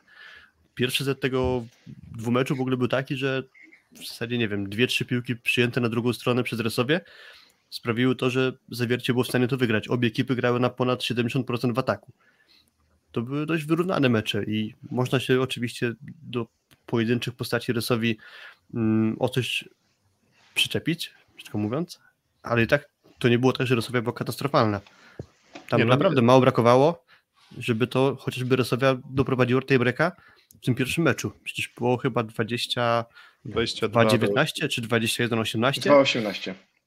Mhm. Tak, i, i przytrafiły się te wystawy Fabianowi Drzyzdze do mm, Tamemy w swoją drogą kapitalnie przeczytane przez y, zawiercie. Mm. Przejdźmy może do chwalenia. No, Moim zdaniem kapitalnie zagrał Michał wiesz, Żurek. my I pamiętam sobie specjalnie rozmawiałem. Wiesz co, Kuba, tak Absolutnie, powiedziałeś, też że o tym pisałeś na mediach społecznościowych, prawda Filip, jakby nie jako pan. Coś, coś Tak, ci ścięło, ja w ogóle nie zrozumiałem, co powiedziałeś. Ba- tak, teraz zupełnie cię nie było słychać przez ostatni. A, że odsłuchiwałem sobie nagrania przedsezonowe, no i tam sobie stawialiśmy jednak w gronie Jastrzębia i, i Zaksy, jeżeli chodzi o personalia i typy, no i mocno się przestrzeliliśmy, bo e, ta konfiguracja zawodników po prostu od samego początku nie była zgrana. Przyszedł Mendes i, i powiedzmy sobie szczerze, poprawiły się spotkania z drużynami słabymi, czego przykładem jest chociażby ostatni mecz fazy zasadniczej 3 do 0 Lubinem, dość godnie wygrany. Mecze z faworytami wyglądały różnie. Były tiebreak z Zaksą, e, ale była wygra, były tiebreak z Jastrzębiem w Pucharze Polski. Chyba zabrakło takiego w ogóle spektakularnego zwycięstwa w tym sezonie. Nie wiem, czy tak jedno było, w którym, no poza Skrom, może ćwierćfinale rzeczywiście Pucharu Polski, tak? Ale cały ten sezon był dla mnie niejako podsumowany meczem pierwszym 1 do 3 ze właśnie, gdzie Resewia weszła w mecz bardzo dobrze, wygrała pierwszy set, wyglądała w nim lepiej, bo w większości spotkań dla mnie Resewia wyglądała lepiej w pierwszym secie niż rywale, a potem na przestrzeni tego spotkania rywal dochodził swoją grą, czy to zaczynał czytać ich, czy zaczynał stosować inne sposoby grania i mam wrażenie, że na przykład takiej Serie A dzisiaj Aseko Resewia mogłaby zajść dalej niż w polskiej lidze po prostu zaszła. I chodzi o personalnie taki sposób gry.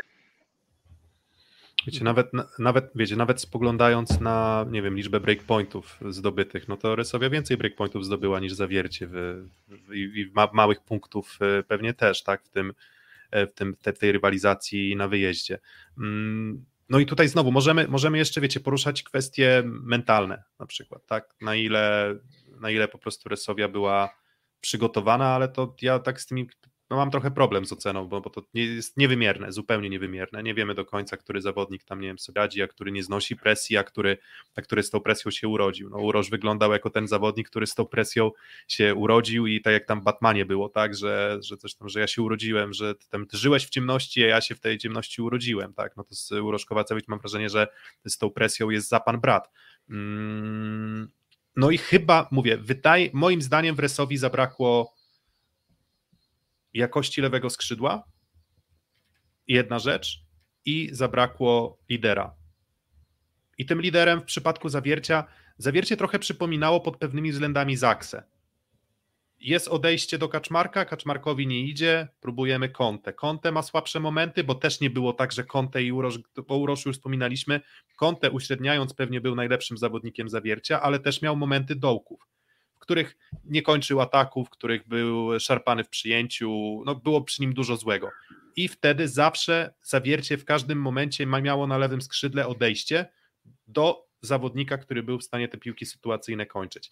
W Resowi cały sezon ten lider się wykluwał, wykluwał, wykluwał, ale albo się nie wykluł na przyjęciu przez ciągłe rotacje, albo się nie wykluł przez ciągłe problemy zdrowotne, a no jednak Maciej Muzaj tym liderem bywał Nie powiem, że nie był, nie powiem, że mam jakieś duże zastrzeżenia, bo, bo, bo, bo fantastycznie zagrał e, drugą rundę i też teraz znęcanie się nad nim, dlatego że nie wyszedł mu, nie wiem, końcówka w zasadzie jednego meczu, to też tutaj się zgadzam, że, że trzeba zostawić to na bok. Ale jeżeli chodzi o takiego lidera, który w trudnym momencie powie: Słuchaj, daj mi piłkę. Albo po prostu, albo, albo kwestia lidera, albo kwestia jakości na lewym skrzydle i tego po prostu Resowi, e, Resowi zabrakło. Trochę lepsze lewe skrzydło, i, ten me, i te dwa, oba te mecze mogłyby się odwrócić i jeżeli zamiast Dero mówilibyśmy, nie wiem, o hmm, Semeniuku, Śliwce, Fornalu, to pewnie mielibyśmy, mielibyśmy Resowie w półfinale. Ale że ta jakość była po stronie Zawiercia, no to chwała Zawierciu za to, że byli w stanie tak skonstruować też swój system gry, żeby tę Resowie ograć. Hmm, dokładnie. No to co? No to przechodzimy do no bolesnego dla mnie ćwierćfinału chyba, co? Chyba Teraz ty czas... musisz to mieć za sobą. No dobra, niech, niech będzie. Szósty set.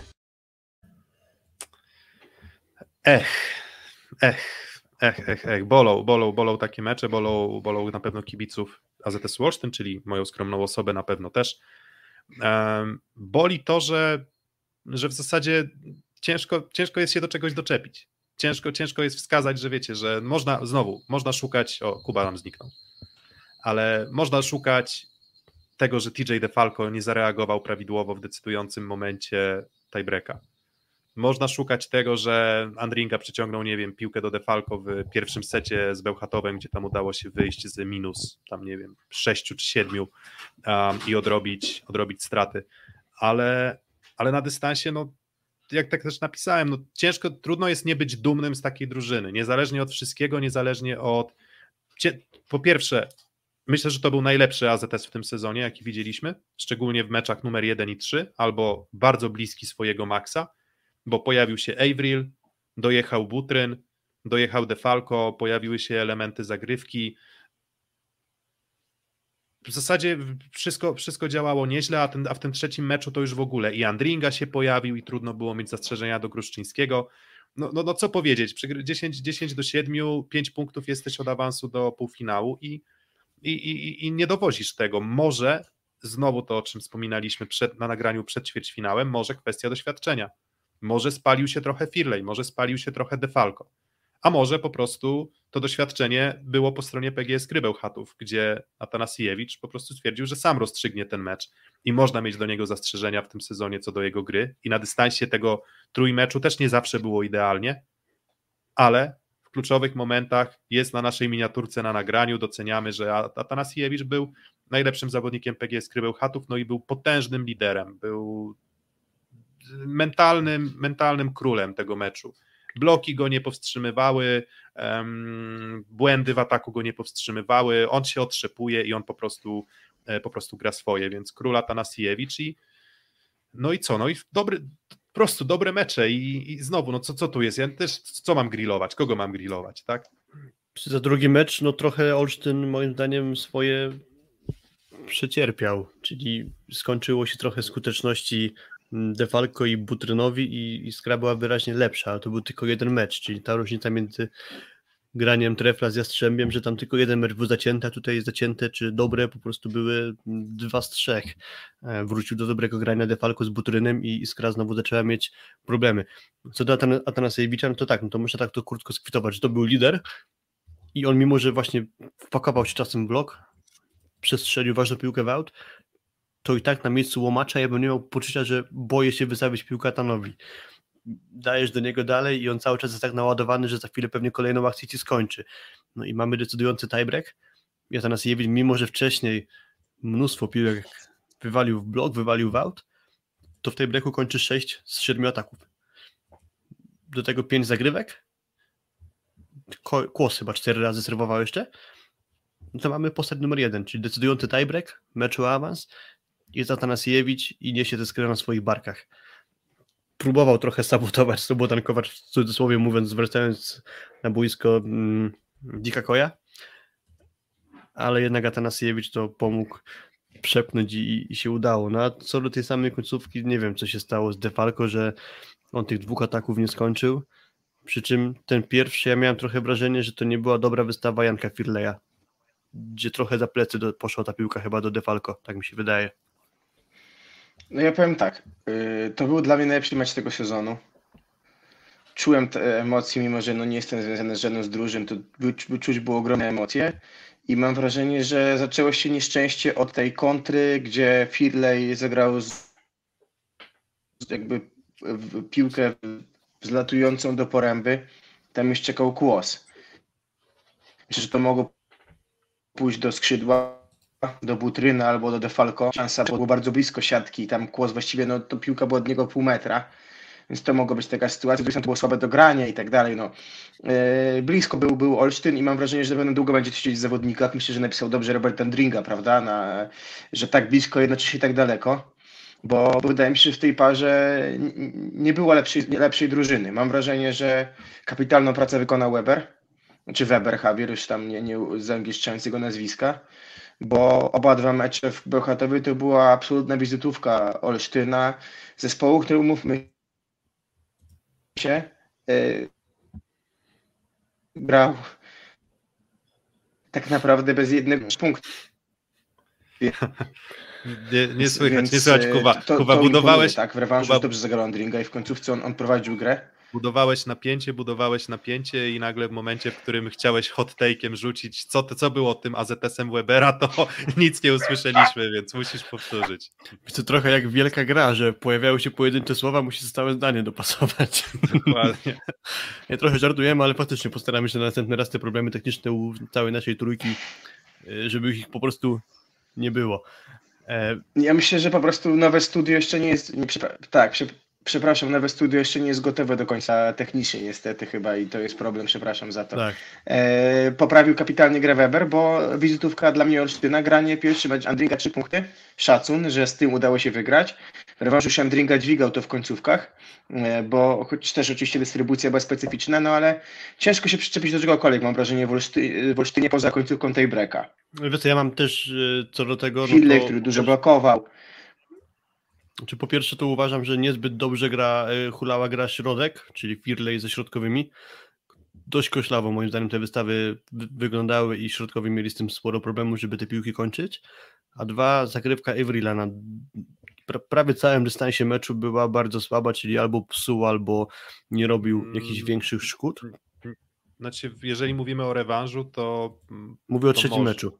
A o trzecim meczu, okej. Okay. No bo akurat uważam, że on bardzo, bardzo mocny sygnał do, do, do walki dał w tym pierwszym meczu Bełchatowa. Tak, tak, okej, okay, okej. Okay. Pierwszy jakby, jakby, jakby, okay, dobra, czyli, czyli ja... tylko ten. No, no tak, mhm. to prawda. No, albo, poza albo, tym, poza albo tym, że w tiebreaku, poza tym, że w tiebreaku yy, przy 6-7 miał dobrą zagrywkę i w końcu mu właśnie weszło tak, że był trudniej grania z krze.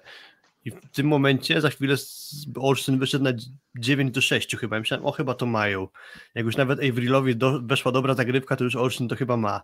No, ale się okazało, że jednak nie ma. Mm, no a tak, a po stronie skry to co? No, król Mateusz Bieniek na pewno. Też, też trzeba oddać, że no, fantastyczny. No i taką nieoczywistą postacią, na którą pewnie mało osób zwracało uwagę, jest też, myślę, Kacper Piechocki bo jest to postać, która spotyka się z dużym hejtem i, i, i szyderą i w zasadzie ma, ma trochę ten problem, że jakby nie zagrał, czego by nie zrobił, to to, to, to, to jest łatwym obiektem do, do, do obstrzałów, bo nie ma libero, którzy błędów nie popełniają, a tylko, że niektórzy libero, którzy popełnią błąd, dostają pewnie nieco mniej mm, atencji mm, z uwagi na pewnie wyższą renomę, wyższą reputację. Wy na dystansie te, tych trzech spotkań Piechocki imponował mi przyjęciem często bardzo trudnych zagrywek AZS-u. To nie, nie, AZS-owi nie udawało się wbrew pozorom tak często łamać skryw w przyjęciu. Tak łamać, żeby, żeby, żeby te piłki, nie wiem, no, były przebijane za darmo, że zazwyczaj skra może z kwestii tego, że po prostu w długiej, dużej mierze na tym takim negatywnym przyjęciu musiała pracować cały sezon, o czym też zupełnie też mówiliśmy, oni znajdywali jakiś tam sposób na to, żeby te piłki dociągnąć, wrzucić gdzieś tam dociągnąć do siatki i często udawało im się wychodzić z trudnych sytuacji, ale było wiele przyjęć, w których Piechocki mi imponował. Tak zwyczajnie po ludzku imponował mi tym, że pełną parą na zagrywce idzie AZS, a Piechocki to przyjmuje co najmniej nad siebie, a czasem, nie wiem, do trzeciego metra, czasem idealnie. Więc, e, więc tutaj właśnie jest komentarz, że Szydera jest uzasadniona względem Piechockiego. Okej, okay, ja mówię o tych meczach. Tak, w bo to, że on gdzieś nisko w rankingach jest, to jest fakt, ale no, za te spotkania trzeba go na pewno pochwalić. Ja to samo mogę powtórzyć w zasadzie prawie słowo w słowo odnośnie Michała Żurka, bo przedtem też chciałem wyraźnie zaznaczyć to, jak on z kolei mi imponował w, tej- w tej parze zawierciańsko-rzeszowskiej. Trochę nie zdążyłem dokończyć, ale imponuje mi właśnie to, jak on w drugiej połowie rundy zasadniczej potrafił zniwelować swoją liczbę błędów w przyjęciu zagrywki, gdzie tam jego poziom około tam mniej więcej 0,2 błędu w przyjęciu na set to jest jego najlepszy wynik, zdecydowanie najlepszy wynik od ostatnich chyba 6 czy 7 sezonów. Więc to jest imponujące, jak on się pozbierał, bo pamiętamy, przynajmniej ja właśnie sporo zapamiętałem z tej pierwszej rundy, pierwszej połowy rundy zasadniczej w jego wykonaniu, że główny mankament jego to była ogromna liczba bezpośrednich błędów i, i z tego mu się udało wybrnąć. I tu podobnie też mogę powiedzieć o Kacprze Piechockim. Mm, No i to właśnie taka nieoczywista postać. Z tych nieoczywistych postaci jeszcze wskazałbym Milada Ebadipura. O, bo tak długo czekaliśmy, aż on do, do, dowiezie i trzeba przyznać, że na przykład jego świeżość z zagrywki, to moim zdaniem to był jeden z lepiej zagrywających Ebadipurów, jakiego ja kojarzę od długiego czasu. Naprawdę kamienie leciały, nie zawsze dawało to efekt punktowy, ale ja się bałem ustawień z, Ebadi, z Ebadipurem na, na zagrywce. Zresztą w zasadzie w skrze, no to kto nie pójdzie na tę zagrywkę, to, e, to, to, to, to, to, to te nerwy, nerwy na pewno się pojawiają, ale zawsze miałem, miałem takie poczucie, że Ebadipur jednak dość zachowawczo tę, tą zagrywką gra, a tutaj jednak dołożył, dołożył swoje. No i coś, co jeszcze kolejny wniosek, który mi się nasuwa, ma odejście po prostu w postaci Roberta Techta PGS Kra. AZS odejścia nie ma. Nie miał odejścia na przyjęciu. Ani Bakiri, ani Janiszewski nie są zawodnikami, którzy mogliby udźwignąć ciężar gatunkowy takiej, takiej gry, a na pewno miałbym duże obawy o to, czy byliby w stanie na przykład takie, takie kamienie z linii 9 metra przyjmować, jakie, jakie udawało się na przykład Andrince czy, czy, czy Defalco. Przecież Defalco akurat fatalnie przyjmował na dystansie całego, całego tego dwumeczu, trójmeczu, ale mm, odejście właśnie by bardzo pomogło. I o ile w pierwszym meczu to nie pomogło, bo wszedł Techt i zagrał beznadziejnie i tam w zasadzie dotyk Midasa, tylko że taki nie do końca, bo w zasadzie wszystko, czego nie dotknął, to się zamieniało w no, coś Na pewno nie w złoto. na pewno, na, pewno nie, w- na pewno nie w złoto, ale jednak AZS miał taktykę. Chcemy złamać Dika Koja. Pracują, pracują, pracują. I złamał w pracują, dwóch żeby meczach. złamać- W obu meczach i w obu meczach, w których tam pomijam ten drugi mecz, ale w tych meczach e, równych złamał Dika Koja. Wtedy wchodzi Robert Tech i znowu pracujesz, pracujesz, pracujesz, pracujesz. No i zagry, zagrywką ruszali Techta. Ale co z tego, skoro Techt radził sobie na, na piłce wysokiej i no i ktoś tutaj podawał, że co by było, gdyby. mm, Salehi. Co by było, gdyby był Mejsam Salehi? Być może AZS grałby zupełnie inną siatkówkę, ale na pewno byłoby tutaj odejście w postaci zawodnika, który byłby właśnie takim Robertem Techtem. Czyli wiecie, potrzebujesz czasem mieć zawodnika. Jeżeli Andringa nie przyjmuje, a były momenty, w których nie przyjmował, no to postaw na to, że będziesz miał gościa, który też to przyjmie w miarę nad siebie, tylko że da ci większą siłę na lewym skrzydle. I o ile trudno jest mieć zastrzeżenia do Andringi w tym meczu, no bo dowiózł kapitan w tym trzecim meczu, ale alternatywy na pewno AZS-owi po prostu zabrakło na, na przyjęciu i no i małe rzeczy, małe rzeczy powodują, że, że AZS Olsztyn po prostu w tym, w tym półfinale nie zagra. Małe rzeczy, nie, nie duże rzeczy, no bo, no, bo, no bo tych dużych rzeczy praktycznie nie było, tak? Tak, przypomina mi się nasze nagranie przedsezonowe. No właśnie rozmawialiśmy gdzieś- też, Piotrek, o tym, prawda? Tak, Kuba? Że? O, czy, o czym, Tak, o że czym rozmawialiśmy, tylko chciałem jeszcze zanim przejdziesz do tych o tym, że e, dlaczego, czy, czy dobrze, że ryzykował Olsztyn w końcówce pierwszego seta, bo on też mógł paść chłupem już e, w meczu wtorkowym. I zastanawia- zastanawiałem się, czy, czy rzeczywiście te cz- cztery piłki setowe, trzy błędy na zagrywce, czy to miało sens, że trochę nie poszanowano tej zagrywki, ale widzę też na czacie, że jednak brakowało tej zagrywki w końcówce e, naszym widzom, więc zastanawiam się na ile e, to, to, to takie błędy w końcówce e, i utrzymanie tej, tej zagrywki, która no, była sprzymierzeńcem w niektórych setach Olsztyna, e, miało sens w tym momencie nie puścić im piłki do grania, bo jednak się w pierwszym secie mocno pogubili Bełchatowianie swoją grą w końcówce. I, takie małe rzeczy zastanawiają mnie zawsze już po fakcie, tak? Czy, czy czasami nie lepiej zostawić rywalowi, który akurat ma problemy u siebie burdel, piłki w grze, ale z drugiej strony to, to co ty że- mówisz, skoro cały czas grasz taką taktykę, no to ciężko jest z niej zrezygnować. Jest to ciężko z niej zrezygnować, ale, ale może flot? Właśnie wiesz, może, bo, bo Skra miała problemy przy- z flotem. Mia- Miała, miała, Poręba Poręby potem były ściągnął te koja z boiska. Olsztyna. Dokładnie. I, i, i może, może właśnie wtedy, wtedy Tak. coś, co byłoby, nie wiem, no skrótem, tyle tylko, że wiesz, jak ci się trafiają ustawienia, że masz Butryna, który 10 razy zagra mocno i może raz spróbuje jakiegoś skróta, Defalco, który ma zmienność zagrywki, ale jest mocno nieregularny, ale jednak podstawową jego formą uderzenia nie jest żaden flot, tylko jest po prostu zagrywka na mocna. I masz Avrila, który też jednak raczej Widzieliśmy już, wy, widzieliśmy już Avrila w wydaniu Flota i widzieliśmy Avrila w wydaniu miękkich zagrywek i to są zagrywki, które żadnego problemu nie mogą zrobić. Może tak się też ustawienia po prostu ułożyły. Mm, ale no nie wiem, no ciężko jest mi tutaj już nawet, nie wiem, już dużo, dużo więcej powiedzieć o tym, o tym trójmeczu, bo Znaczy, Ja jeszcze też myślę, co do tego tematu, to można ewentualnie by poszukać flotowca na ławce, ale kto? Szymon Jakubiszak? Nie za bardzo widzę, żeby on jakiś super kąśliwy on- flot jego był, to po pierwsze, a po drugie on wchodził mm, pod siatkę na blok, więc po prostu mógł akurat być niedostępny do zmiany na zagrywkę już, więc zmiany, zmiany Jana Króla specjalnie dużo nie dawały. przy czym to nie jest flotowiec, tylko znów jest bombardier, który ma duże ryzyko popełnienia błędu. No i właśnie, no i to, też jest tak, że no tak jak masz, nie wiem, Jastrzębski Węgiel, no to możesz szukać. Weber nie miał komfortu mm, wyboru taktycznego, no robił co mógł. Jakubiszak wchodzący za Andringę, Król wchodzący na zagrywkę i poza tym rotacji nie było. Praktycznie, Nie, praktycznie no na pewno. Szacunek dla Olsztyna, bo ja myślałem po pierwszym secie tak trochę pechowo przegranym e, przez e, Indykpol, że to już raczej jest koniec rywalizacji, teraz będzie tylko dwa szybkie sety LPG z Kry i, i, i witamy Bechotem w półfinale, po czym jednak się udało Olsztynowi doprowadzić do stanu, gdzie mieli w tej breaku 10 do 7, więc to na pewno jest warte uwagi i pochwalenia, że się nie złamali tą jedną przegraną końcówką w pierwszym secie, więc y, na pewno za całokształtu Olsztyn można by chwalić i też przypomina mi się nasz przedsezonowy odcinek, gdzie dość nieśmiało stawialiśmy, że kto wie, czy Olsztyn personalnie nie zmontował ekipy na półfinał, na grę w czwórce, no i aż tak daleko nie byliśmy od tego, żeby z tym typem trafić.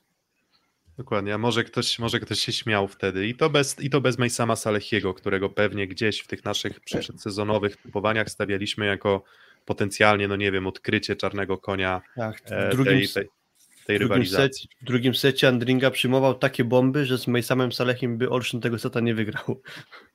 Mogę się o to założyć. Dokładnie. No i cóż, no i A ja mogę skomentować to możesz skomentować Gloria. Kuba, ale Gloria. Nie, bo to jest tak, że Kuba, masz takie problemy z połączeniem, że mówisz, mówisz, mówisz, Gloria mogę skomentować, Tak. przerwa 10 sekund, Gloria Victis, dobra. Chwała, chwała zwyciężonym. No i właśnie, zwyciężony AZS Olsztyn, zwyciężona Aseko Resowie Rzeszów, starcie 5-6 o występ w Pucharze Challenge. Czyli jest to co grać, jakby nie patrzeć. Jeszcze nie, jeszcze nie gwarantowane, ale duże prawdopodobieństwo, że miejsce piąte da grę w pucharach właśnie. To jeszcze nie jest jakby chyba 100% pewne, że piąte miejsce daje puchar challenge, ale, ale duże takie prawdopodobieństwo istnieje, więc warto na pewno się o to miejsce pobić. i odpala, zaraz odpalam ankietę, natomiast y, biorę po 100 zł z konta każdej drużyny i słucham Państwa, kto to piąte miejsce wyszarpie sobie. Biorąc pod uwagę problemy zdrowotne, kontuzję Kochanowskiego, bo Kochanowski już chyba w tym sezonie nie zagra, bo to wyglądało dość poważnie. Nie wiem, jakie są doniesienia, ale, ale, ale, nie, Olsztyn. ale nie znam nie, doniesień, nie zapowiada się. ale gdybym miał typować, to coś czuję, że to padnie łupem Olsztyna i Resowia już jest po prostu zbyt wypompowana wszelkimi swoimi problemami i jakby kwintesencją też tego była końcówka tego meczu na podpromu, gdzie miałem wrażenie, to nie tylko Resowia, tylko też zawiercie, że po prostu już jakby słaniali się na nogach i najchętniej to by się położyli, nie wstawali przez 15 minut. Fajnie wyglądała jedna z zagrywek Dero, który tam po- podrzucił sobie piłkę bardzo wysoko i tak wyglądało, jakby zamiast do niej nabiegać, to się jakby zaczął skradać. Oczywiście wyolbrzymiam, ale, ale no nie wyglądało to dobrze, jeśli chodzi o kondycję obu zespołów. E, no i ta Resowia jeszcze pogrążona problem, problemami zdrowotnymi. Czebula, Dero, doszedł jeszcze Kochanowski. Mam wrażenie, że to jest na ten moment zbyt rozbity i poturbowany zespół, mm, żeby stawić czoła Olsztynowi, który jeżeli przystąpi z dobrym Defalco, z dobrym Butrynem, to jest wystarczająco dużo argumentów, żeby te Asekoresowie ograć i dlatego minimalnie stawiam w kierunku Indykpolu AZS-u. Mm, Kuba? Yy, tak, też, też Indykpol, bo to jest mecz yy, dwóch bardzo rannych zespołów. Nie, mów, mów, słuchać, słychać się, I słychać się, wydaje mi się, że po prostu... Bo ja zastanawiam się zawsze, czy mnie słychać, nie, ale ja widzę was dobrze, ruszacie się mi na ekraniku, także powinno być ok. Wydaje mi się, że Olsztyn, bo zaprezentował dla mnie grę y, o tyle zbliżoną pewnie jak Rasowian, ale jest mniej połamany, to raz, a dwa mam wrażenie, że y, po pierwsze to jest troszeczkę mniejsze rozczarowanie niż Resowi, troszeczkę mam na myśli, chyba, jeżeli chodzi o założenia przedsezonowe, nie, nie mówię o jakby bliskości rywalizacji. I trzy, że y, widziałem y, fizykę lepszą na pewno po stronie Res, y, Olsztyna niż Resowi, na pewno. I moim zdaniem to może bardzo mocno pomóc, jeżeli Olsztyn się otrząsną mentalnie, tak? No bo jednak no była to bolesna porażka, na pewno podróż do, do Olsztyna we wtorek to było na, na smutno, jeżeli coś tam było w autobusie grane, to pewnie na smutno. Mm, a ja, a, ja, a ja przewrotnie powiem tak, że moim zdaniem Resowi AZS-owi nie leży i spodziewam się, że, że, że, że te dwa zwycięstwa łatwe w pierwszej kolejce i w czternastej kolejce moim zdaniem nie były przypadkowe i mimo wszystko dla mnie faworytem jest Aseko Resowia Rzeszów. E, oczywiście wszystko stoi na meczu w Iławie, bo to jest tak, że pierwszy mecz w Iławie, rewanżowy Gramy mecz... wygranie w- Pucharu Challenge. Rewanżowy mecz, e, rewanżowy mecz w Rzeszowie, już bez trzeciego meczu, złoty set tutaj zadecyduje. Mm, Jeżeli AZS wygra 3 do 1, to myślę, że już to dowiezie, czyli w Rzeszowie wtedy już te dwa sety myślę, że powinien wygrać, ale, ale smutne są te mecze, wiecie, tak przeglądam sobie też swoją drogą listę z, zespołów z, z, z Pucharu Challenge tegorocznego.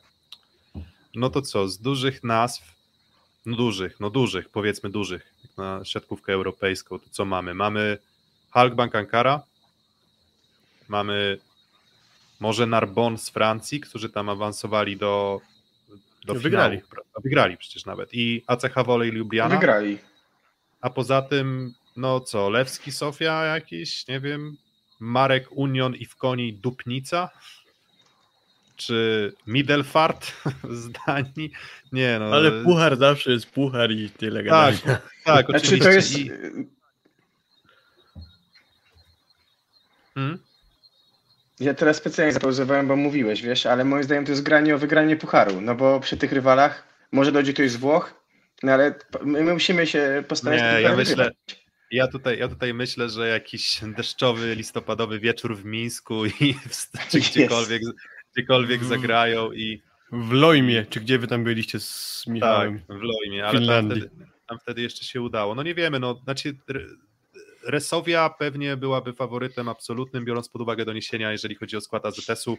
Nie wiemy, jak to się potoczy, ale ja mimo wszystko, niezależnie od tego, czy ten puchar się odbędzie, czy nie, no to jednak moim faworytem jest chyba jednak Aseko Resowia Rzeszów, ale przekonajmy Pytanie, się. tak jak Erwę napisze, pytanie, czy Defalco zagra, bo może mu nie wypada. Jak Bołądziowi kiedyś. Przeciwko Treflowi. Tak, dokładnie. A wiesz, znaczy to Defalco musi sobie odpowiedzieć na Boli pytanie, was ten czy... wielki Gdańsk. Tak, że to, to, to, to musi sobie odpowiedzieć na pytanie Tori Defalco, czy ma ochotę sobie jeździć na przykład do Pei w Albanii albo do Tel Awiwu. Nie no, jest kilka ładnych miejsc. Swoją drogą, tak turystycznie to nawet nie jest tak źle. Azory, Teruel w Hiszpanii, tak. Może, może Ankara, Saloniki, Ateny. Myślę, że jest kilka miejscówek, do których można byłoby, można byłoby śmignąć, więc może nie byłoby tak źle. No ale to jest na pewno dodatkowy, e, dodatkowa jakaś tam liczba spotkań, którą trzeba rozegrać. Czy to będzie AZS, czy Resowia. Myślę, że z punktu widzenia więcej na pewno awans do Pucharu Challenge znaczyłby dla AZS-u niż dla Resowi, tak myślę. Przy czym był już taki sezon, w którym AZS walczył o miejsca 5-6, wygrał rywalizację z AZS-em Politechnika Warszawska, potem zrezygnował z europejskich pucharów, a cała, mm, a cała kampania gdzieś tam medialna przed tymi meczami właśnie była, że gramy o puchary, gramy o puchary. Więc ja jeszcze poczekam, czy, czy, czy na pewno jest aż taka duża wola, żeby te puchary zagrać. E, No i co? No i przechodzimy chyba do, do tych półfinałów, no bo czas najwyższy, czas goni i no i co? No i zaczynamy. Szósty set. Grupa Azoty Zaksa Kędzierzyn-Koźle, zwycięzca fazy zasadniczej, zwycięzca ćwierćfinału, a teraz ym, rywal Aluronu CMC Warty Zawiercie, czy też może Aluron CMC Warta Zawiercie rywalem właśnie grupy Azoty Zaksy. Um, Zaksa pokaz siły, awans do finału Ligi Mistrzów. W tym, tej, w tym finale Ligi Mistrzów czeka, e, czeka Trentino, ale oczywiście własne podwórko też jest bardzo, bardzo istotne dla Zaksy. Mm, zaraz pokażemy liczby, no bo oczywiście te liczby mamy przygotowane dość podobnym formacie, jaki mieliśmy w, na ćwierćfinały, przynajmniej te ćwierćfinały 3, 6 i 4, 5, więc zobaczycie też jak w tych liczbach wypada Jastrzębski Węgiel i, mm, i Zaksa. Natomiast gdzie szukać nadziei dla Aluronu CMC Warty Zawiercie w starciu z no, kolosem? Mm, no, sportowo mimo wszystko może za dużo powiedziane jest, że to jest starcie Dawida z Goliatem, no bo to chyba byłoby jednak duże nadużycie, no bo jest i Kowacewicz, i Conte, i wiele innych bardzo dobrych siatkarzy w Aluronie CMC Warty Zawiercie, ale na pewno faworytem nie będą. No i właśnie, gdzie szukać optymizmu? Tak popatrzymy jeszcze na te dwa dotychczasowe mecze między tymi zespołami, dwa razy po 4-0 dla Zaksy, to chyba za wiele optymizmu to właśnie z tego nie wynika, ale, ale plusem na pewno jest to, że chyba w samą porę jednocześnie w jakiś dobry rytm wpadli Conte z Kowacewiciem, czyli to, co jest minimum dla mnie, żeby ta para zagrała dobrze do nich jeszcze pewnie dołączy Dawid Konarski. To już jest jakaś podstawa, żeby z Zaksą rywalizować. Ale i tak widzę wyraźnego faworyta po stronie Kędzierzyna z racji tego, że oni mają po prostu szczelniejszy, równiejszy, lepiej pracujący blog aniżeli Aseko Resowia. Stąd moim zdaniem po prostu będzie im trudniej kończyć ataki względem tego, co było w meczach z Aseko Resowią. Stąd y, tak bardzo krótko podsumowując, to, to będzie główny problem zawiercia. Aż tak łatwo kończenie ataków nie będzie mm, przychodzić. Pierwszy mecz 27 listopada między tymi rywalami nie było Rosza Kowacewicza, to też można wspomnieć. E, pierwszy set 38 do 36, tam trochę sobie pograli. Pamiętacie tego seta, bo ja szczerze mówiąc dopiero dzisiaj jak sprawdzałem ten wynik, to, to, to zobaczyłem, że tam tak długo grali, ale co tam się dokładnie działo, to już nie, nie jestem no, w stanie sobie przypomnieć. Znaczy to był bardzo dobry, to był bardzo dobry set. To był taki set, gdzie pamiętam, że przed tym meczem raczej się tam, znaczy spodziewaliśmy się, że może to być mecz dość jednostronny i ten pierwszy set wtedy mnie osobiście bardzo zaskoczył, bo, e, bo wtedy, jeżeli dobrze pamiętam, tam Konarski mocno się obudził. W, w, może, może się mylę, ale tak to pamiętam. No, pod, pod nieobecność Urosza Kowacewicza. Filip, tak skaczesz z tym tym. E, Wiem, ekranem. nie wiem dlaczego, ale, um, ale już naprawiam. Widzę problem techniczny za problemem technicznym, e, ale, ale tak. No i to był no, bez Urosza wydawało się, że Zawiercie nie jest w stanie tego w ogóle dźwignąć, no bo wtedy Urosz, nie wiem czy pamiętacie, ten październik, listopad miał fantastyczny, on tam wtedy był absolutnie najlepszym poziomem, e, najlepszym, najlepszym zawodnikiem, pewnie najlepszym przyjmującym plus ligi. Mm, zabrakło tego Urosza z powodu kontuzji, no i wszyscy się zastanawiali, no co to będzie z tym, z tą Zaksą, raczej powinna to wygrać gładziutko. No i, no i w zasadzie drugiego i trzeciego seta wygrała gładziutko, ale ten pierwszy no dawał jakieś aspiracje, ale mimo wszystko skupiłbym się na tym meczu drugim, tak? Bo jak sam wynik pokazuje, to jest 3 do 0, ale 3 do 0, 3 do 0 nierówne, tak? Dlatego ja osobiście też mam tak, że lubię spojrzeć na małe punkty, lubię spojrzeć na różnice w małych punktach, a trudno o bardziej wyrównany mecz niż trzy sety na przewagi, w których no niestety, no ale zawiercie przegrało, ale w setach na przewagi, na przewagi też oczywiście wychodzi często jakość. Może tej jakości odrobinę więcej miała Zaksa, ale to był no, ciekawy mecz. Ciekawy mecz. To był świetny mecz. Świetny mecz. Pamiętam, oglądałem go w trasie i bardzo mi się podobał. E, z tego też względu, że tam było e, w drugim secie ilość piłek setowych dla zawiercia była kolosalna i wszystkie je utrzymała Zaksa. I potem to przychyliła na swoją stronę. I w tym meczu, co mi się, co mi się rzuciło bardzo mocno w oczy, to jest e, właśnie jakość side-outu e, e, zawiercia, gdzie Zaksa, która przełamuje prawie każdego rywala, miała duże problemy, żeby przełamać to zawiercie. Tak naprawdę przełamowała je dopiero w końcówkach, wnosząc się tak naprawdę na swoje kapitalne wyżyny, bo pamiętam tam meczu kapitalną grę Szudziego, który wyciągał bardzo trudne piłki w obronie. Do tego, jeżeli nie pamięć się myli, bardzo mecz był Kaszyka Marka w rewanżu, mm, który w miarę swobodnie kończył te ataki. I teraz ten mecz moim zdaniem jest pewnym zwiastunem tego, co możemy zobaczyć e, już w weekend, e, bo wydaje mi się, że jeżeli bym mówić o różnicy między tymi zespołami na, na ten moment, to jest ewentualnie jakaś różnica na kontrze. Że bardzo wysoki poziom pierwszej zawiercia w miarę moim zdaniem odpowiada tej wysokiej jakości Zaksy pierwszej akcji. Chyba to jest najwyższy poziom pierwszej akcji w ogóle w lidze. I, i, ob, i, ob, I, wydaje mi się, że obie drużyny i też zawiercie radzi sobie dość dobrze z mm, z, tą, z tą pierwszą akcją nawet tego przyjęcia bardzo komfortowego nie ma. Co, co, też jest, co też jest atutem, to jest trochę tak jak o Skrze mówiliśmy i, AZS, i, o, i o AZS-ie Olsztyn, że AZS ruszony przyjęciem traci atuty, Skra i Zawiercie aż tak bardzo tych atutów nie tracą, no bo tego przyjęcia jakiegoś wybitnego po prostu nie mają i też nie grają środkiem za dużo, więc przy tej grze do skrzydeł nie jest wcale tak łatwo to zawiercie złamać, więc tutaj jakiś tam może plusik, pozytyw dla, dla zawiercia, że mm, no, że w tym, w tym aspekcie. No bo jak mówimy o tym bloku i mówimy tam o tym, jaką efektywność rywale osiągają przeciwko danej drużynie, no to, to są po pierwsze dane uśrednione, a po drugie, no to zawsze możesz tą, możesz, możesz tę, tę, możesz tę gardę tą siekierką swoją przełamać w postaci wysokiej jakości na przykład skrzydeł albo kapitalnej gry Urosza. Mm, ale tak poza tym, bo tak przechodząc płynnie może do, do, do statystyk do statystyk meczowych. Mm, proszę bardzo, udostępniamy pokaz. No właśnie, co widzimy? A, widzimy, że schowam banner, żeby nie było. Ok, co widzimy? No widzimy, że nie ma jakiejś przepaści, jeśli chodzi o jakość poszczególnych pozycji na, na, w ataku. Oczywiście, drużynowo Zaksa jest kapitalna, bo przede wszystkim widać tutaj różnicę w efektywności ataku na, na przyjęciu. Wydaje mi się, że to jest kwestia właśnie minimalizacji błędu i tego, jak dużą kontrolę nad, e, na, na, nad swoimi poczynaniami ofensywnymi, kierunkami i umiejętnością doboru rozwiązań do sytuacji boiskowej mają Śliwka i Semeniuk ale też to może wynikać z tego powodu, że po prostu Urosz i Conte otrzymują więcej piłek trudnych, no i stąd też ta efektywność ataku jest, jest odrobinę niższa.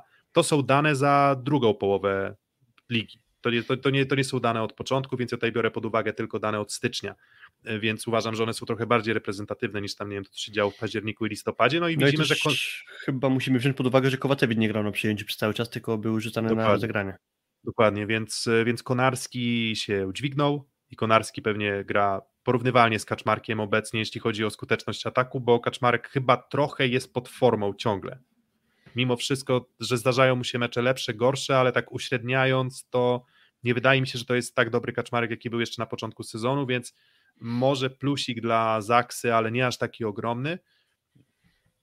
Różnica na środku, Właśnie, środkowi Zaksy gorsi. No właśnie, paradoks jest taki, że środkowi zawiercia atakują bardzo niewiele, ale za to atakują bardzo skutecznie.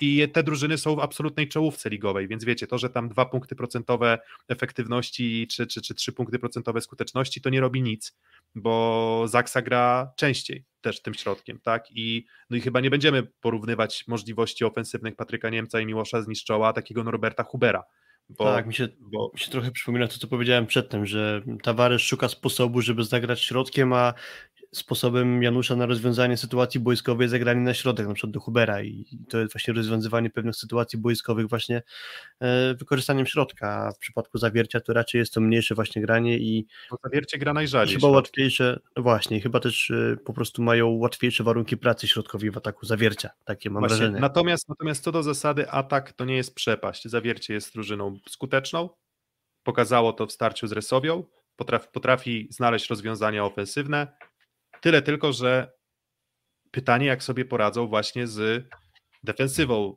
Zaksy, no bo tutaj porównując te dwa elementy, no to pod, bardzo podobnie wyglądała tabelka, gdy porównywaliśmy Resowie z Zawierciem, nie wiem, czy pamiętasz Filip. Mm, tak, tak, czerwono w Zawierciu było. Tak, że było, było czerwono w Zawierciu, no i właśnie, i to, co wskazujemy jako, e, jako atut defensywy Zaksy największy, czyli właśnie to, że bardzo ciężko atakuje się z lewego skrzydła przeciwko Zaksie.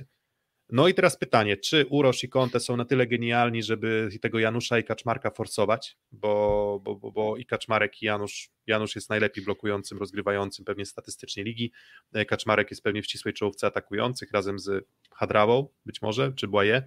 Mm, natomiast e, no cóż, no, to, jest, to, jest, to jest to pytanie, to jest ta odpowiedź. Jak wskazywaliśmy, że na przykład Skra dobrze ogarnia przyjmujących rywali, to Defalco nie grał za dobrego pierwszego meczu, ani nie zagrał bardzo dobrego drugiego i dopiero w trzecim się trochę obudził. Jak wskazywaliśmy, że skrze, przeciwko skrze łatwiej się atakuje atakującym, to Butryn w zasadzie w pierwszym meczu i w tym trzecim meczu też robił bardzo dużo dobrego dla Indykpolu AZS-u Olsztyn. No i właśnie, no i też tak, a to, to, że Zaksa ma lepiej reaguje na środkowych, to nie jest duży problem, bo bo tak jak mówimy, to jest bardzo sporadyczne użycie środkowych przez Tavaresza, mm, więc tutaj nie sądzę, aby to miało bardzo duży wpływ na, na wynik meczu, ale już to, że Zaksa fantastycznie powstrzymuje przyjmujących, myślę, że już ten wpływ może, może mieć.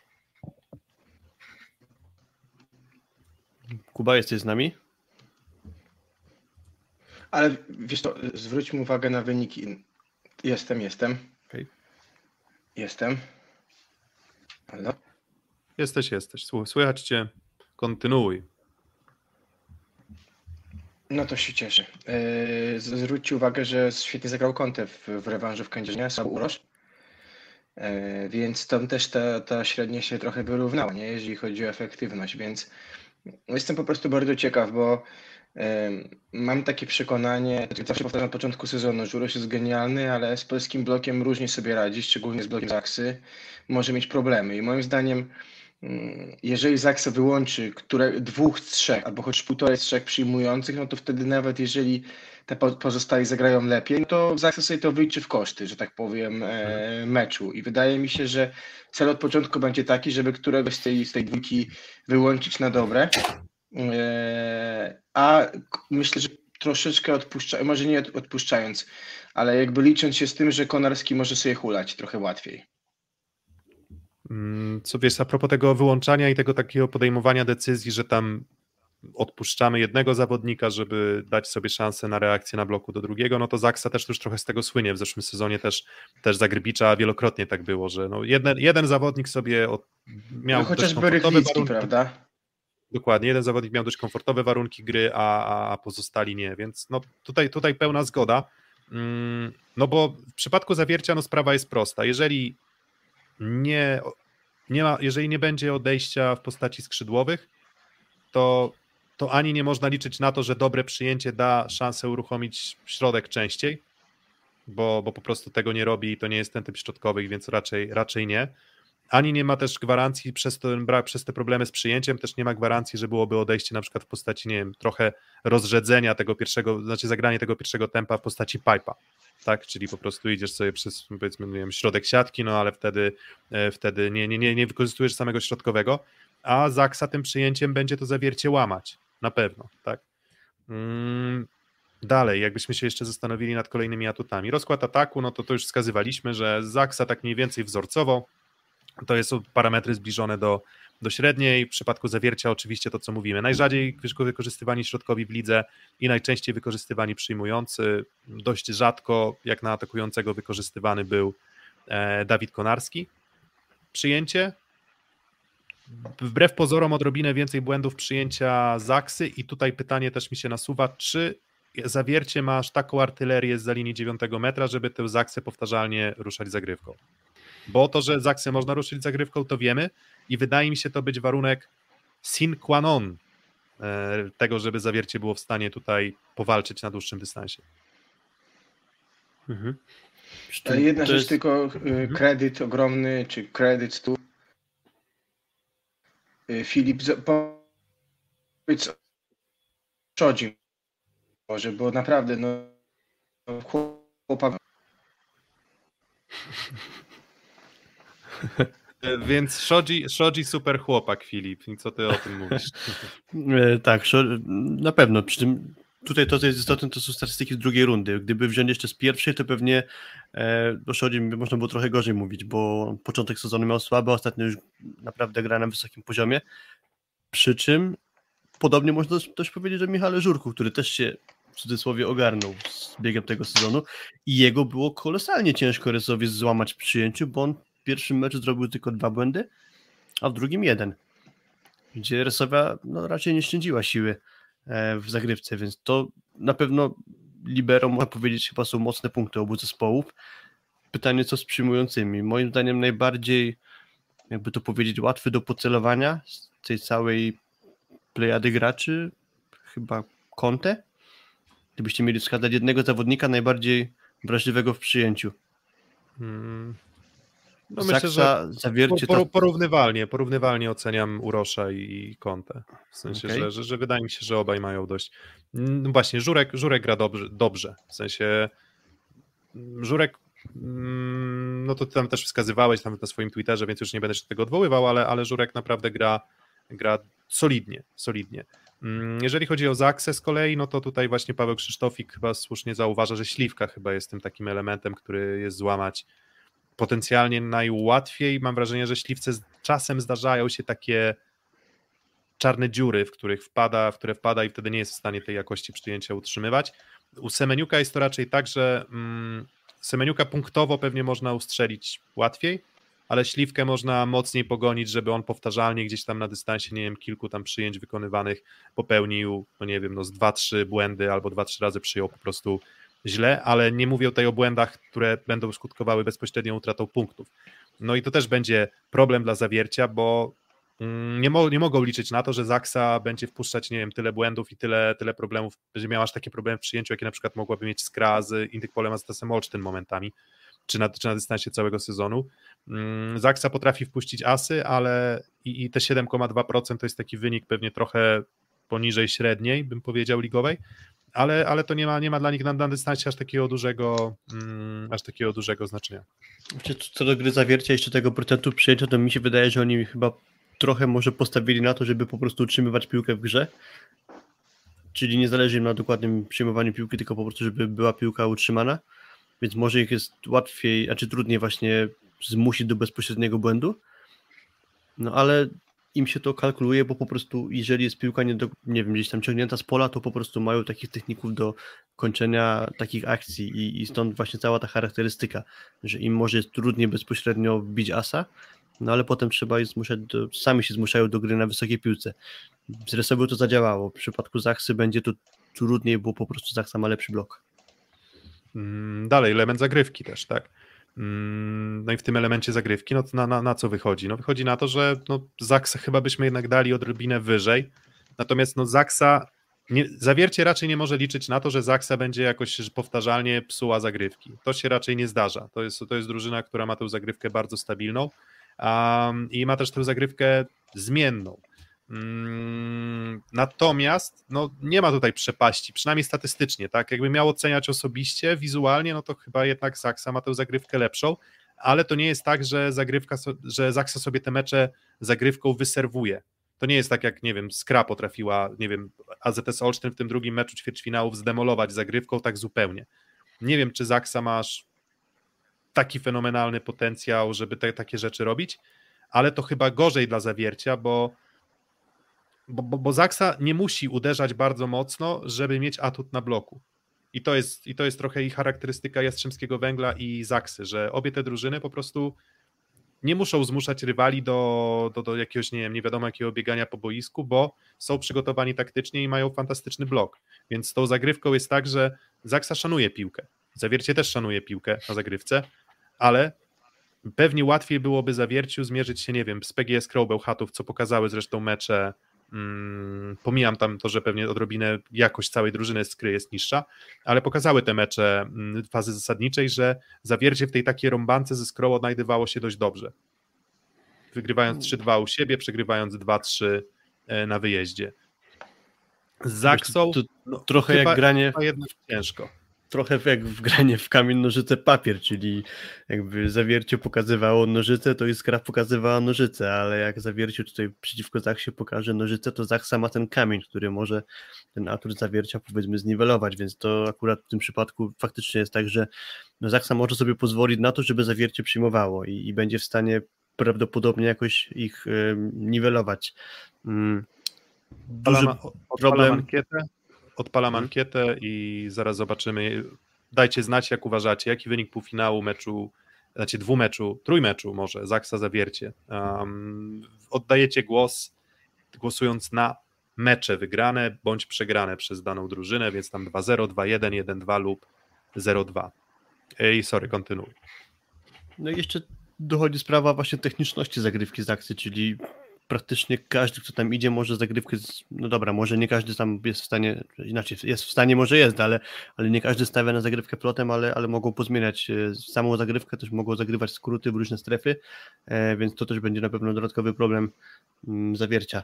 Mm, faktycznie byłoby tak, też się z Tobą w sumie zgadzam, że lepiej byłoby po prostu zagrać z drużyną, która serwuje raczej jednolicie, mocno, ale jednolicie, czyli tak jak właśnie PGS Krabełchatów, tak mi się wydaje, że to byłyby na pewno chyba bardziej pożądane warunki dla zawiercia, aniżeli właśnie tak technicznie grająca Zaksa. Mm. No i też bardzo tutaj celny komentarz Pawła Krzysztofika, że Zaksa ma po prostu zagrywkę precyzyjną też. I, Mhm. i, i Tak, Ta precyz- miałem ta na myśli, że te tak, technika, w sensie mówiąc y, technika, mam też na myśli precyzję, o to mi chodziło. Właśnie, jeżeli chodzi o blok, no to jedna rzecz chyba jest zaskakująca tutaj, jeżeli chodzi o te punktowe bloki na set i wybloki, ze strony ligi oczywiście, to chyba zaskakujące jest ta, ten Śliwka i Semeniuk, tak, czyli, czyli to, że Conte i Kowacewicz lepiej blokują w ostatnich tam, nie wiem, kilku miesiącach niż nawet Semeniuk i Śliwka. I nawet spojrzałem i faktycznie tak jest, że tam w pierwszej rundzie chyba 22 bloki łącznie Semen ze Śliwką, w drugiej rundzie tych bloków już tylko e, 13, tak? Co oczywiście nie zmienia faktu, że, mm, że gdybym miał oceniać pewnie sam blok w optymalnej formie, no to pewnie dalej Semeniuka i Śliwkę dałbym A- wyżej. A nie jest trochę Kontynuuj, tak, tak. że może idą, wiesz, przez, przez skrzydło przez środkowego i dlatego tyle też blokuje Huber, nie wiem, no bo ten no może być, blok oczywiście. chłopaków rok temu był tak kapitalny, że może wszyscy starają się ich unikać. Teraz ja nie wiem, natomiast no różnica jest duża, jeżeli chodzi o to statyka drużynowa chyba największa, tak, bo y, i zaskakuje mnie akurat Ko- Kaczmarek trochę lepszy od Konarskiego, tam mnie zaskakuje o dziwo, chociaż Kaczmarek też ma bardzo dobry blok, mówiliśmy o nim rok temu, że, że, mm, no, że to jakby jest też poziom Konarskiego już, ale nie spodziewałem się, że już go przeskoczył. Mm, No i Czy tu może być właśnie kwestia tego, że nie atakuje się przez Konarskiego i stąd nie ma jakby y, pola do popisu Konar. Może to jest po prostu wyjaśnienie tego. Mm, No i środkowi. Jak to jest trzy razy więcej robić bloków punktowych na set, co? To, to tak właśnie wygląda. 0,58 Niemiec i zniszczą tam i nie wiem, kto tam może Reisner coś ukąsił na bloku, ale, a, ale na środku no to Norbert Huber i, i, David Smith czy Krzysztof Reino, oni wszyscy pracują, e, pracują kapitalnie, więc no, nie ma łatwych stref przeciwko Zaksie. Ciężko, ciężko się pewnie tutaj Oskar Kaczmarczyk, który nas chyba słuchał, musiałby się odnieść do tego, jak dużym problemem jest ogarnianie taktyki na taki monolit, bo, bo, bo, bo czasem nie wiem, no w Jastrzębskim Węglu możesz powiedzieć, no graj przez Toniutiego. A tutaj przez kogo zagrasz? przez albo, albo, albo któryś z przyjmujących jest słabszy na bloku, tak? I wtedy w ustawieniach, nie wiem, pod siatką nie z, strzelam, nie wiem, z kto, kto mógłby być takim przykładem pary z gorszy, nie wiem, na przykład przez koja a, a tak próbujesz atakować, tak, no bo czujesz, że on ma trochę słabszy blok, ale, ale w Zaksie, w Zaksie tych problemów nie ma i mm, no i przechodząc do naszych typów, tak, no ja mimo wszystko stawiam na 2 do 0 dla Zaksy. I w drugim meczu może być blisko tiebreaka lub może być tiebreak, ale, ale, ale finalnie wydaje mi w tym meczu w zawierciu, ale, ale wydaje mi się, że w dwóch, w dwóch meczach kończy się rywalizacja um, dla Zaksy, przy czym pamiętajcie, że w ćwierćfinale źle wytypowaliśmy Asek Oresowie Rzeszów, więc może zawiercie znowu nam zagra na nosie. Jak GKS Katowice swego czasu potrafi grać na nosie, ale akurat chyba to nie będzie ten przypadek. To znaczy, imponuje mi to, jak pozbierali się skrzydłowi zawiercia, jak potrafili grać przeciwko Asekorysowi, tylko cały czas nie jestem w stanie ocenić, jak wysoki jest sufit grania w ataku tej trójki, tak można powiedzieć, właśnie naprzeciwko no, na pewno lepiej grającej w bloku Zachsy. Trochę się powtarzam, ale moim zdaniem to będzie właśnie kluczowa sprawa, czyli trochę ta plastyczność czy ruchomość, niestabilność bloku rysowi to były wymarzone warunki pracy dla atakujących i przyjmujących zawiercia. W przypadku Zaksy będzie zgoła inaczej, no i jeszcze i tak uważam, że Zaksa jest po prostu lepiej broniącym zespołem, Mhm. więc nawet jak już coś przechodzi przez blok, to o ile trzeba docenić rysowie za postęp, to i tak w obronie lepsza jest Zaksa, tak po prostu bez Mhm. większego tutaj wchodzenia w szczegóły, dlatego kwestia ataku, którą wygrało zawiercie dwumecz z, zawie- z Resowią, tu może być trochę zniwelowana i stąd ja też stawiam, że to się skończy w dwóch meczach dla Zaksy. Przy czym bardziej to będzie taki drugi mecz tej pary z fazy zasadniczej, aniżeli ten pierwszy.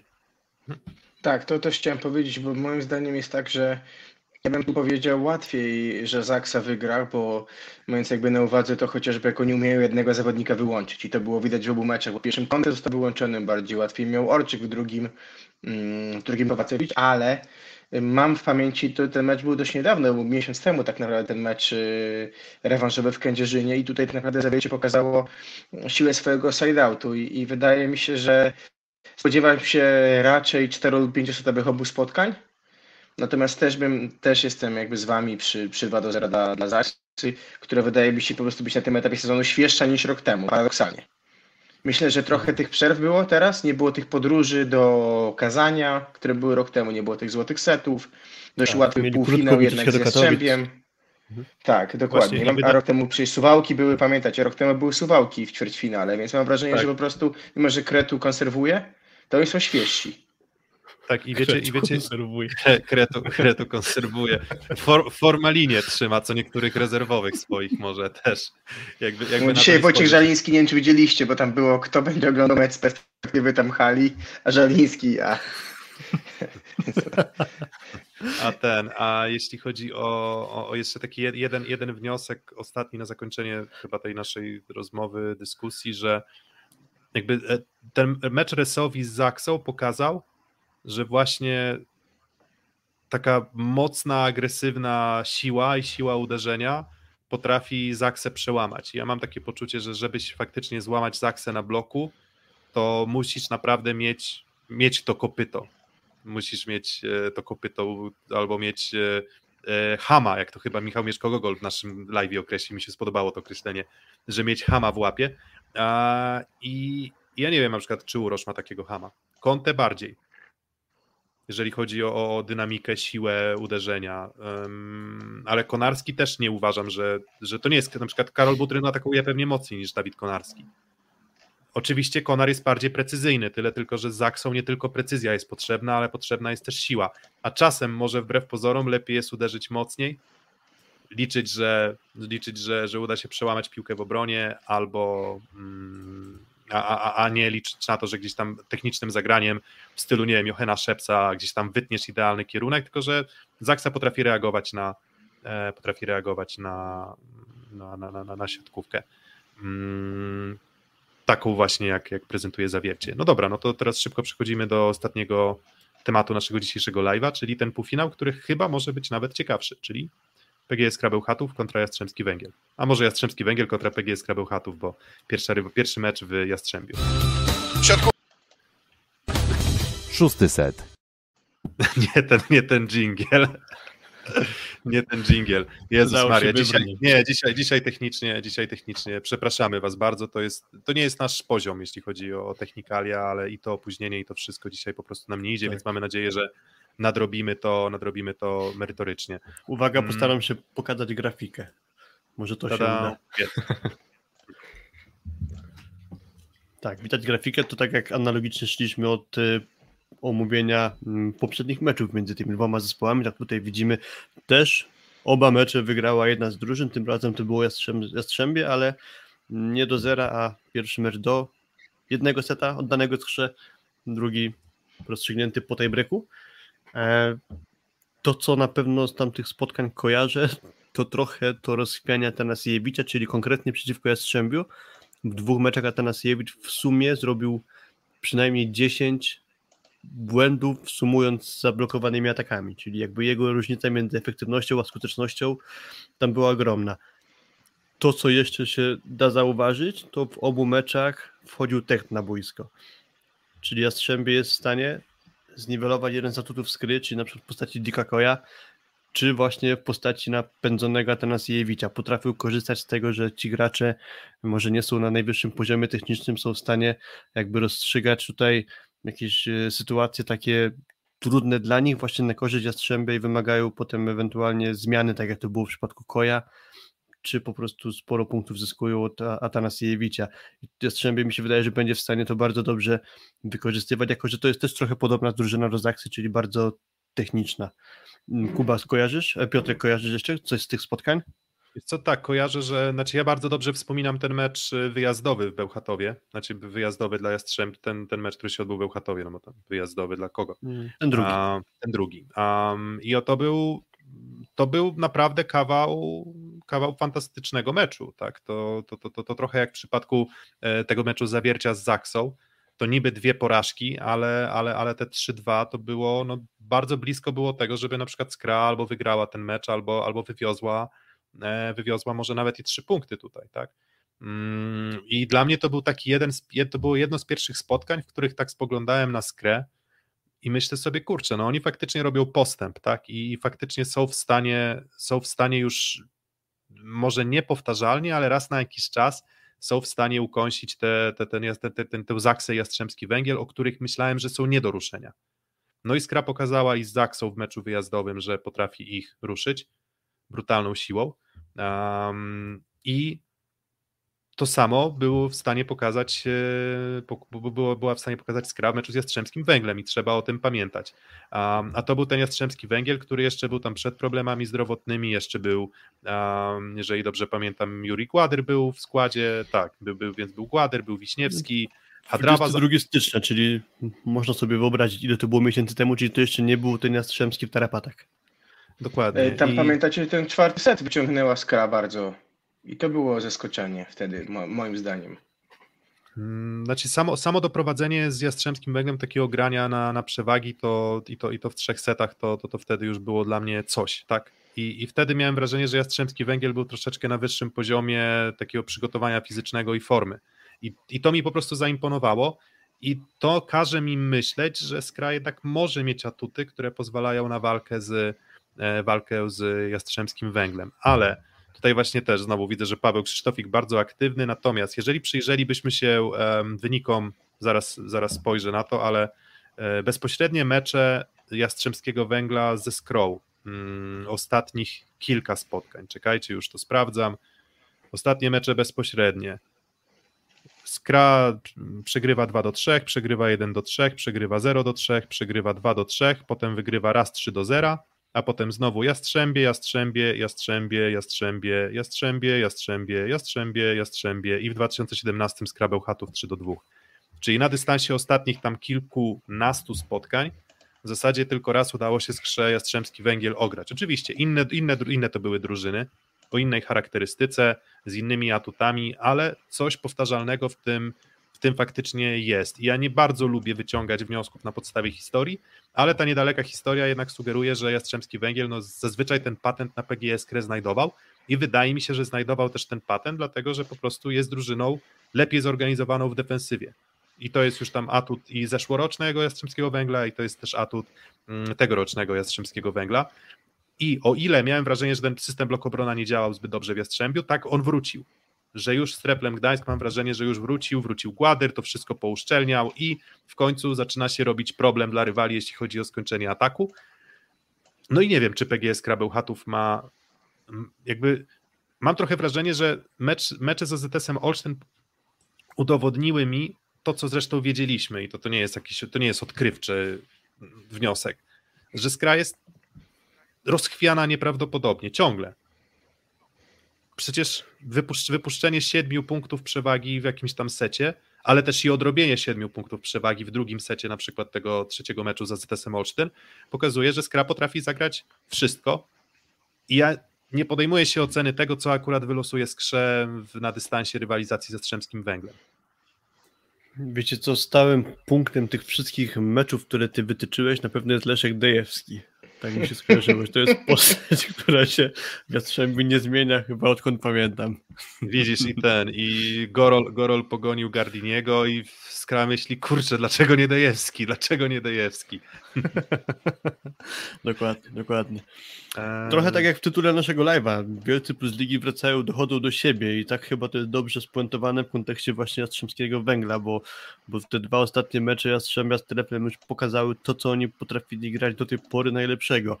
No i nawet już ten Janek Hadrawa wrócił do siebie po chwilowej zadyszce, też o tym mówiliśmy.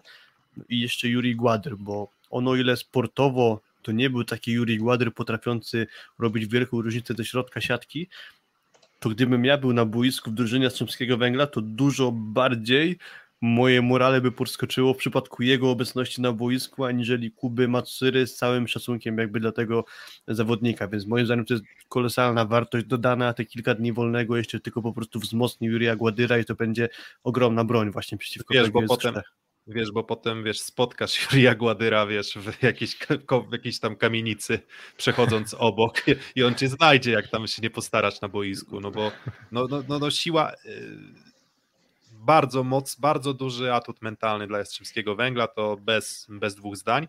Nawet jeśli ten mecz z Treflem, taki bym powiedział, dyskretny występ y, Jurija Gładyra, ale, ale on będzie się z, też z każdym meczem, Musisz z każdym wrócić tygodniem, powoli.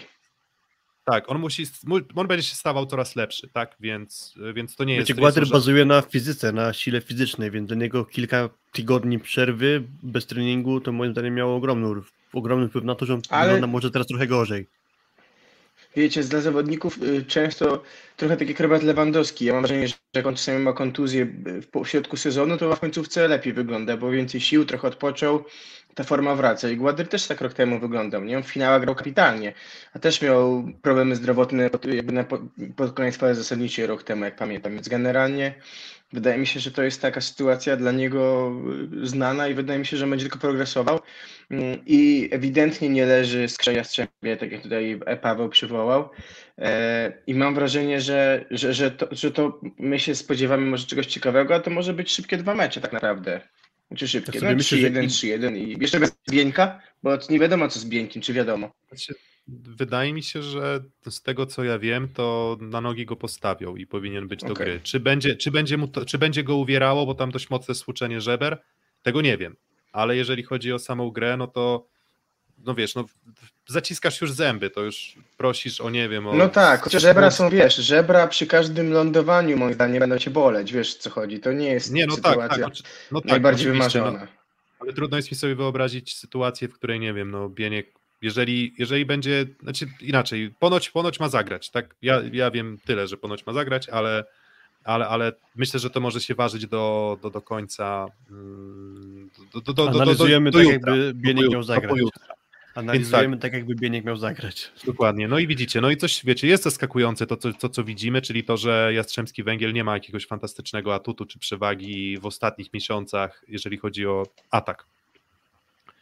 Em, no, i, no i cóż, no, wszystko jest bardzo porównywalne. Tutaj w zasadzie te różnice są niezbywalne, więc to nie, raczej nie to będzie rozstrzygać, no ale to, co może rozstrzygać, no to może rozstrzygać jednak atut defensywy. I to, co mówiłeś ty, Filip, o Atanasiewiczu, który sobie nie poradził z, z, z blokiem i, i nie poradził sobie za bardzo, znaczy nie, nie poradził sobie. W tym meczu 3 do 2 to akurat bardzo dużo atakował, więc ta liczba błędów też wynikała po prostu z dużej liczby ataków, ale jakiś tam patent na pewno Jastrzębski Węgiel na Atanasiewicza ma. I znowu, to są wykonawcy w relacji blok-obrona, którzy taktycznie mogą się przygotować na niego e, rewelacyjnie.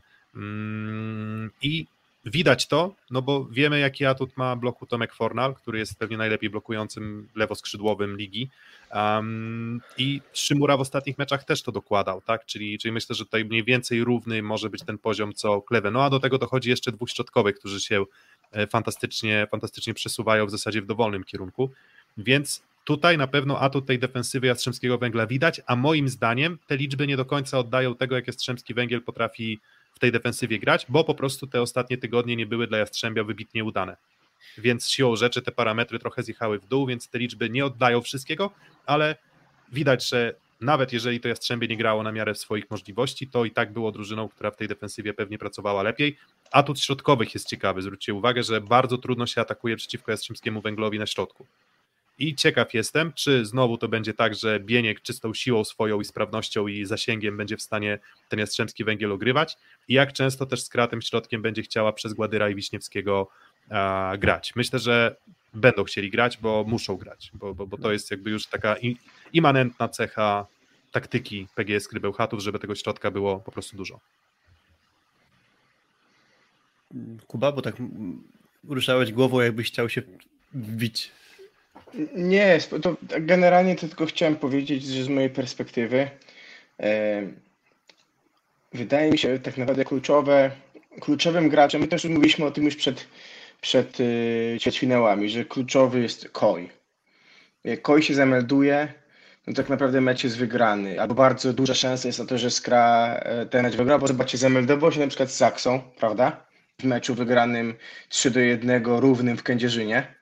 Więc wydaje mi się, że to jest takie trochę spoiwo, e, czy gwarant tego, że jak ktoś się w tym meczu zamelduje, no to wtedy, mm, to wtedy Scrum ma bardzo dużo szansy, żeby wygrać, bo on dostaje kolosalną pił liczbę piłek y, no po prostu ze złego przyjęcia dla siebie. Tak? Jeżeli on kończy mecz na wysokiej efektywności z tego złego przyjęcia, no to już samo w sobie dużo daje po prostu na, w, w, grze na sideoutie, nie? I, I mam takie przekonanie, że trochę tak jak, tak jak z w Tańsku jest, że jak zagra świetnie, no to zagra, no to wygra trefl, no to takie ze Skrom, że jak sobie analizowałem sobie dzisiaj, to wszystkie mecze, w których Koi grał na bardzo dobrym procencie, nawet z rywalami silnymi, no to po prostu wygrywała Skra albo była, był tiebreak. Mm, jeszcze skwituję tylko ankietę, mm, która przed chwilą, zakoń, przed chwilą zakończyłem, bo już odpalamy kolejną. 93% głosów jest na Zaksę, jeżeli chodzi o, o awans. Tak? I gdybyśmy mieli to procentowo określić, szanse, to myślę, że co 80-20, 85-15 i ja bym, ja bym tak to widział, więc tutaj w zasadzie jeszcze, jeszcze bardziej bezwzględni jesteście. Natomiast ciekaw jestem właśnie tego meczu Jastrzębski, znaczy oceny waszej rywalizacji Jastrzębski-Węgiel z PGS Krąbełchatów, bo tutaj może być bardzo ciekawie. Dalej idąc, e, rozkład ataku, to co mówiliśmy, mniej Atanasiewicza, czego nie było do końca widać w meczu z AZS-em Olsztyn, no i więcej środkowych niż Jastrzębski Węgiel, no to a, a przyjmujący mniej więcej podobne obciążenie. Jakość przyjęcia, różnica duża, przy czym Jastrzębski Węgiel był taką drużyną, która w tej pierwszej połowie sezonu w zasadzie nie dawała się zupełnie złamać przyjęciu, a teraz mam wrażenie, że na tym monolicie przyjęciu na pewno jakieś tam rysy się, się już pojawiają, więc y, tych błędów w przyjęciu mniej niż Skra, ale, ale jeżeli dobrze pamiętam, 7% to chyba błędów miała e, Zaksa, 7 z hakiem, więc w zasadzie tak. Jastrzębski Węgiel nawet więcej tych błędów A przyjęcia. jeszcze mniej miało zawiercie. Dokładnie, natomiast jakość Właśnie, pytanie, czy, czy, czy, czy Jastrzębski Węgiel potrzebuje tego przyjęcia, żeby grać skutecznie? Bo wydaje mi się, że jednak trochę, trochę tak jest i bardzo trudno jest ich złamać.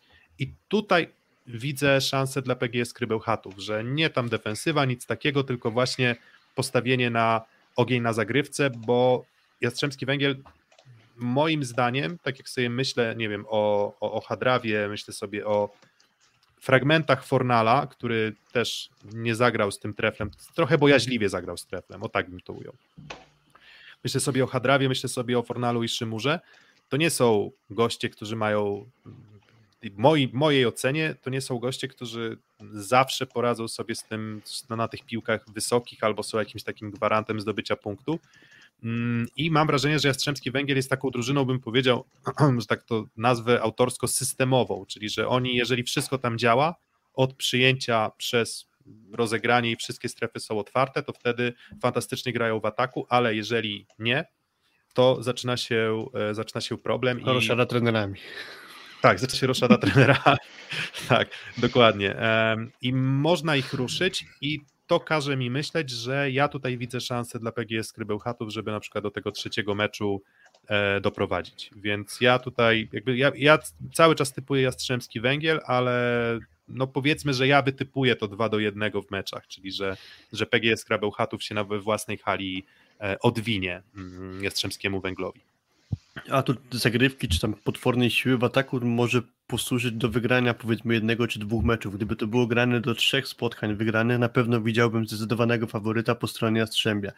Skoro gramy do dwóch wygranych meczów, to nie sądzę, żeby przytrafiły się dwa kapitalne mecze na tyle kapitalne właśnie, żeby to Jastrzębie złamać w przyjęciu, tak że oni by totalnie nie mieli e, możliwości dogrywania sobie piłek do siatki, tak dużo ataków gdzieś tam z pola nie byli w stanie kończyć, żeby to się nie skończyło wygranym meczem. Mm, jeden mecz mogę wytypować, że Skraby po prostu dała radę w ten sposób wygrać, bo pokazywali, że to jest ich atut, potrafią z tego korzystać, ale jest to jednocześnie bardzo niestabilny element. E, wróciłbym jeszcze do mm, Atanasiewicza, bo sprawdzałem sobie, jeśli by sumować błędy i ataki zablokowane, to w sumie oddawał przynajmniej 10 razy w meczu, ośmiokrotnie w sezonie plus ligi. Czyli dość często robił ogrom błędów i był często blokowany, a wiadomo, że to będzie raczej taki mecz, gdzie właśnie będzie jeden z tych e, przypadków, gdzie on zrobi tych błędów dużo, no bo pewnie łatwo jest unikać błędów, jeżeli grasz przeciwko, nie wiem, słabszemu zespołowi, któremukolwiek, aniżeli właśnie przeciwko Jastrzębiu, więc skoro on ma takie tendencje do rozchwiania, to większe prawdopodobieństwo, że on właśnie będzie rozchwiany przeciwko mm, dobrze zorganizowanemu, systemowo grającemu Jastrzębiu. E, jeden mecz może wyjdzie, ale, ale, ale, ale Jastrzębie raczej to przepchnie. Myślę, że właśnie Fornat Atanasiewicz, bo Fornal lubił go złapać sobie raz czy dwa na początku meczu, wtedy Atanasiewicz już szuka innych kierunków, bardziej po prostej, gdzie on czasami nie, nie, nie zmieści po prostej i wydaje mi się, że to jest tutaj ogromny atut Jastrzębia. Eee, Szymura blokowo też, nie wiem, Piotrek wygląda bardzo fajnie w ostatnich meczach, mimo że wydawało mi się, że z tej dwójki Kleveno to trochę Kleveno ma lepszy blok, ale Szymura też wygląda przyzwoicie w tym aspekcie, więc wydaje mi się, że to będzie duże utrudnienie dla Atanasiewicza i e, ja tutaj pójdę raczej 2 do 0 dla Jastrzębia.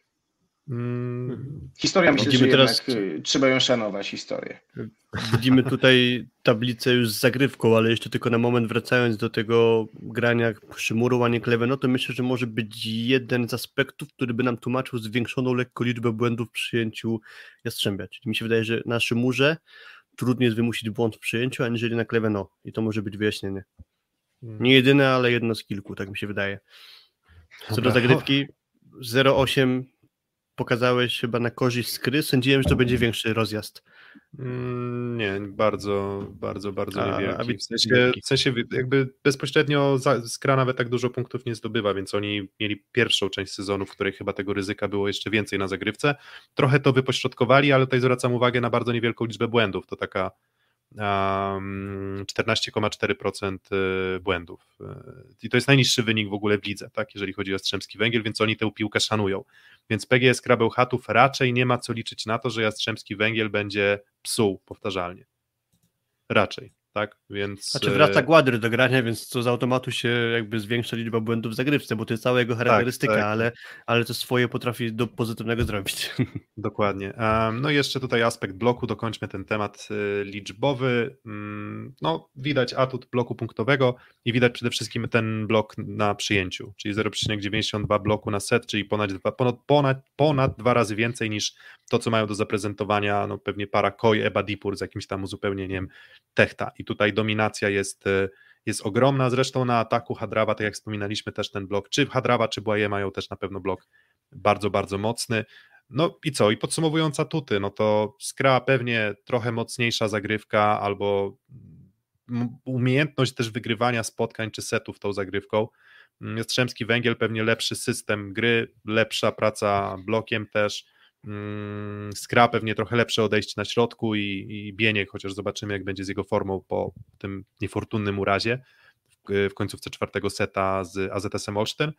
No mówię, Ja- Jastrzębski Węgiel, ale trzy, no, trzy mecze lub jeden tiebreak myślę, że możemy, możemy zobaczyć. Ale, ale z ciekawości właśnie nie wiem, czy wy na pewno dobrze głosujecie, ale czy na pewno chcieliście tak zagłosować, ale faworytem jest yy, Skra jak na razie w ankiecie. 46% na wynik 1 do 2. Nikt nie stawia, że 2 do 0 wygra Skra, e, ale, ale znaczy faworytem. Najczęściej wybieraną opcją jest 2 do 1 dla Skry w tym momencie, więc Um, więc y, 2 do 0, 21% głosów, 2 do 1, 32% głosów dla Jastrzębskiego Węgla, więc tak oceniacie, to tak powiedziałbym 50-50, a moim zdaniem 50-50 nie jest. Jednak bym wskazał, że Jastrzębie tak trochę jak Skra z AZS-em, to miałem wrażenie, że Jastrzębski, że to było tam, nie wiem, ocenialiśmy 60, tam 5 do 35, no to wydaje mi się, że takie proporcje bym zastosował też, e, też tutaj, czyli jednak moim faworytem jest, e, jest Jastrzębski Węgiel, ale to na, nie sądzę, żeby to były takie łatwe mecze, chyba, że nie doceniam tego, że Jastrzębski Węgiel jest na wznoszącej, że idzie w górę um, i, i w tym momencie oceniam Jastrzębski przez pryzmat ostatnich tygodni, a nie przez pryzmat tego, co potencjalnie mają w, jako kaliber swojego potencjału, który mogą wykorzystać, bo, bo, bo może, może tak być. Kuba, jak sądzisz, będzie trzeci mecz, czy Jastrzębie w dwóch? Wyciszony masz mikrofon. Tak jest. E, Ja e, po, nauczyłem się w ostatnim czasie, że historyczne mecze mają jednak znaczenie i coś w tym było. I, I myślę, że jak historia tak mówi, no to trzeba być wierny historii. 2 do 0 będzie dla Jastrzębia. Ja mam takie Ja przekonanie, bym- że mogą być podobne playoffy jak rok temu były Jastrzębie z Warszawą, czyli dwa dość wyrównane mecze, ale rok temu Jastrzębie wygrywało 2-3 do 1, nawet mimo wyrównanych końcówek i przewiduje myślę coś podobnego. To tam nie było 3 do 2 przypadkiem w, w 3-2 i playoffach wtedy? 3-1 może było tak, no ale generalnie no były dwa mecze, w dwóch meczach zakończyła się rywalizacja wtedy w, w, w Warszawie w drugim meczu skończyła się rywalizacja. No to, no to nasze typy znacie, jeszcze macie szansę zagłosować chwilę w ankiecie i no i ostatni temat, bo widzę, że się domagaliście, ale już tak naprawdę ostatni, bo już jest późno, późno, bardzo późno, em, to będzie temat em, powołań do reprezentacji. Szósty set. Mm, No i co wy sądzicie o tych powołaniach? Chyba zero kontrowersji. Jeden menadżer. Mamy tylu dobrych graczy, że jeśli menadżer skupuje do siebie dobrych graczy, to siłą rzeczy oni muszą być w kadrze potem po prostu. nie, jakby dla mnie nie jest w ogóle z kwestią jakąś do mówienia o kontrowersjach to, że dany zawodnik pochodzi od danego menadżera, jakby to dla mnie trochę szukanie dziury w całym, tak mi się wydaje, tak jest przynajmniej moje zdanie. Co do zera kontrowersji, no na pewno jakimś, jakąś kontrowersją jest brak powołania Fabiana Drzytki mimo wszystko, ale czy ja uważam, że powinien być w kadrze? No nie, ja też bym go nie powołał. Czyli, czyli Ja mam taką trochę wąt... mhm. Moim zdaniem jest idealny moment na to, żeby Fabiana Drzyzgę, Drzyzgę po prostu już próbować zastępować, bo mamy kim, bo uważam, że jest idealny moment na to, żeby dać szansę Marcinowi Januszowi chociażby, nawet Jankowi Firlejowi. Może nie do końca 100% u- uargumentowane jest, jeśli mówimy o rozgrywających, powołanie Łukasza Kozuba, no ale z drugiej strony mówimy o raptem czwartym rozgrywającym, który zapewne będzie pełnił rolę marginalną, ale zakładamy, że Drzyzga już jest odstawiony, no to kto jeśli nie, na przykład Łukasz Kozub, no Marcin Komenda nie zachwycał, e, Michał Kędzierski też nie, kto ewentualnie jeśli nie, Łukasz Kozub jako Michał- czwarty, bo mówimy Michał- cały czas o Michał- czwartym, Michał Masny. tak, obywatelstwo polskie ma, w kadrze Słowacji grał ostatnio w 97 roku, karencja już minęła dawno temu, tak, tak, Michał Masny ewentualnie, nie, tak naprawdę, A ja nie, powiem nie, co tak. do- y, Kontrowersji niedużo, ale zawsze mam wątpliwość, bo jest now- nowy, nowy, nowa miotła, ale czy te wszystkie wybory, czy odsunięcie wszystkich starych zawodników ma sens w kontekście Paryża pewnie ma.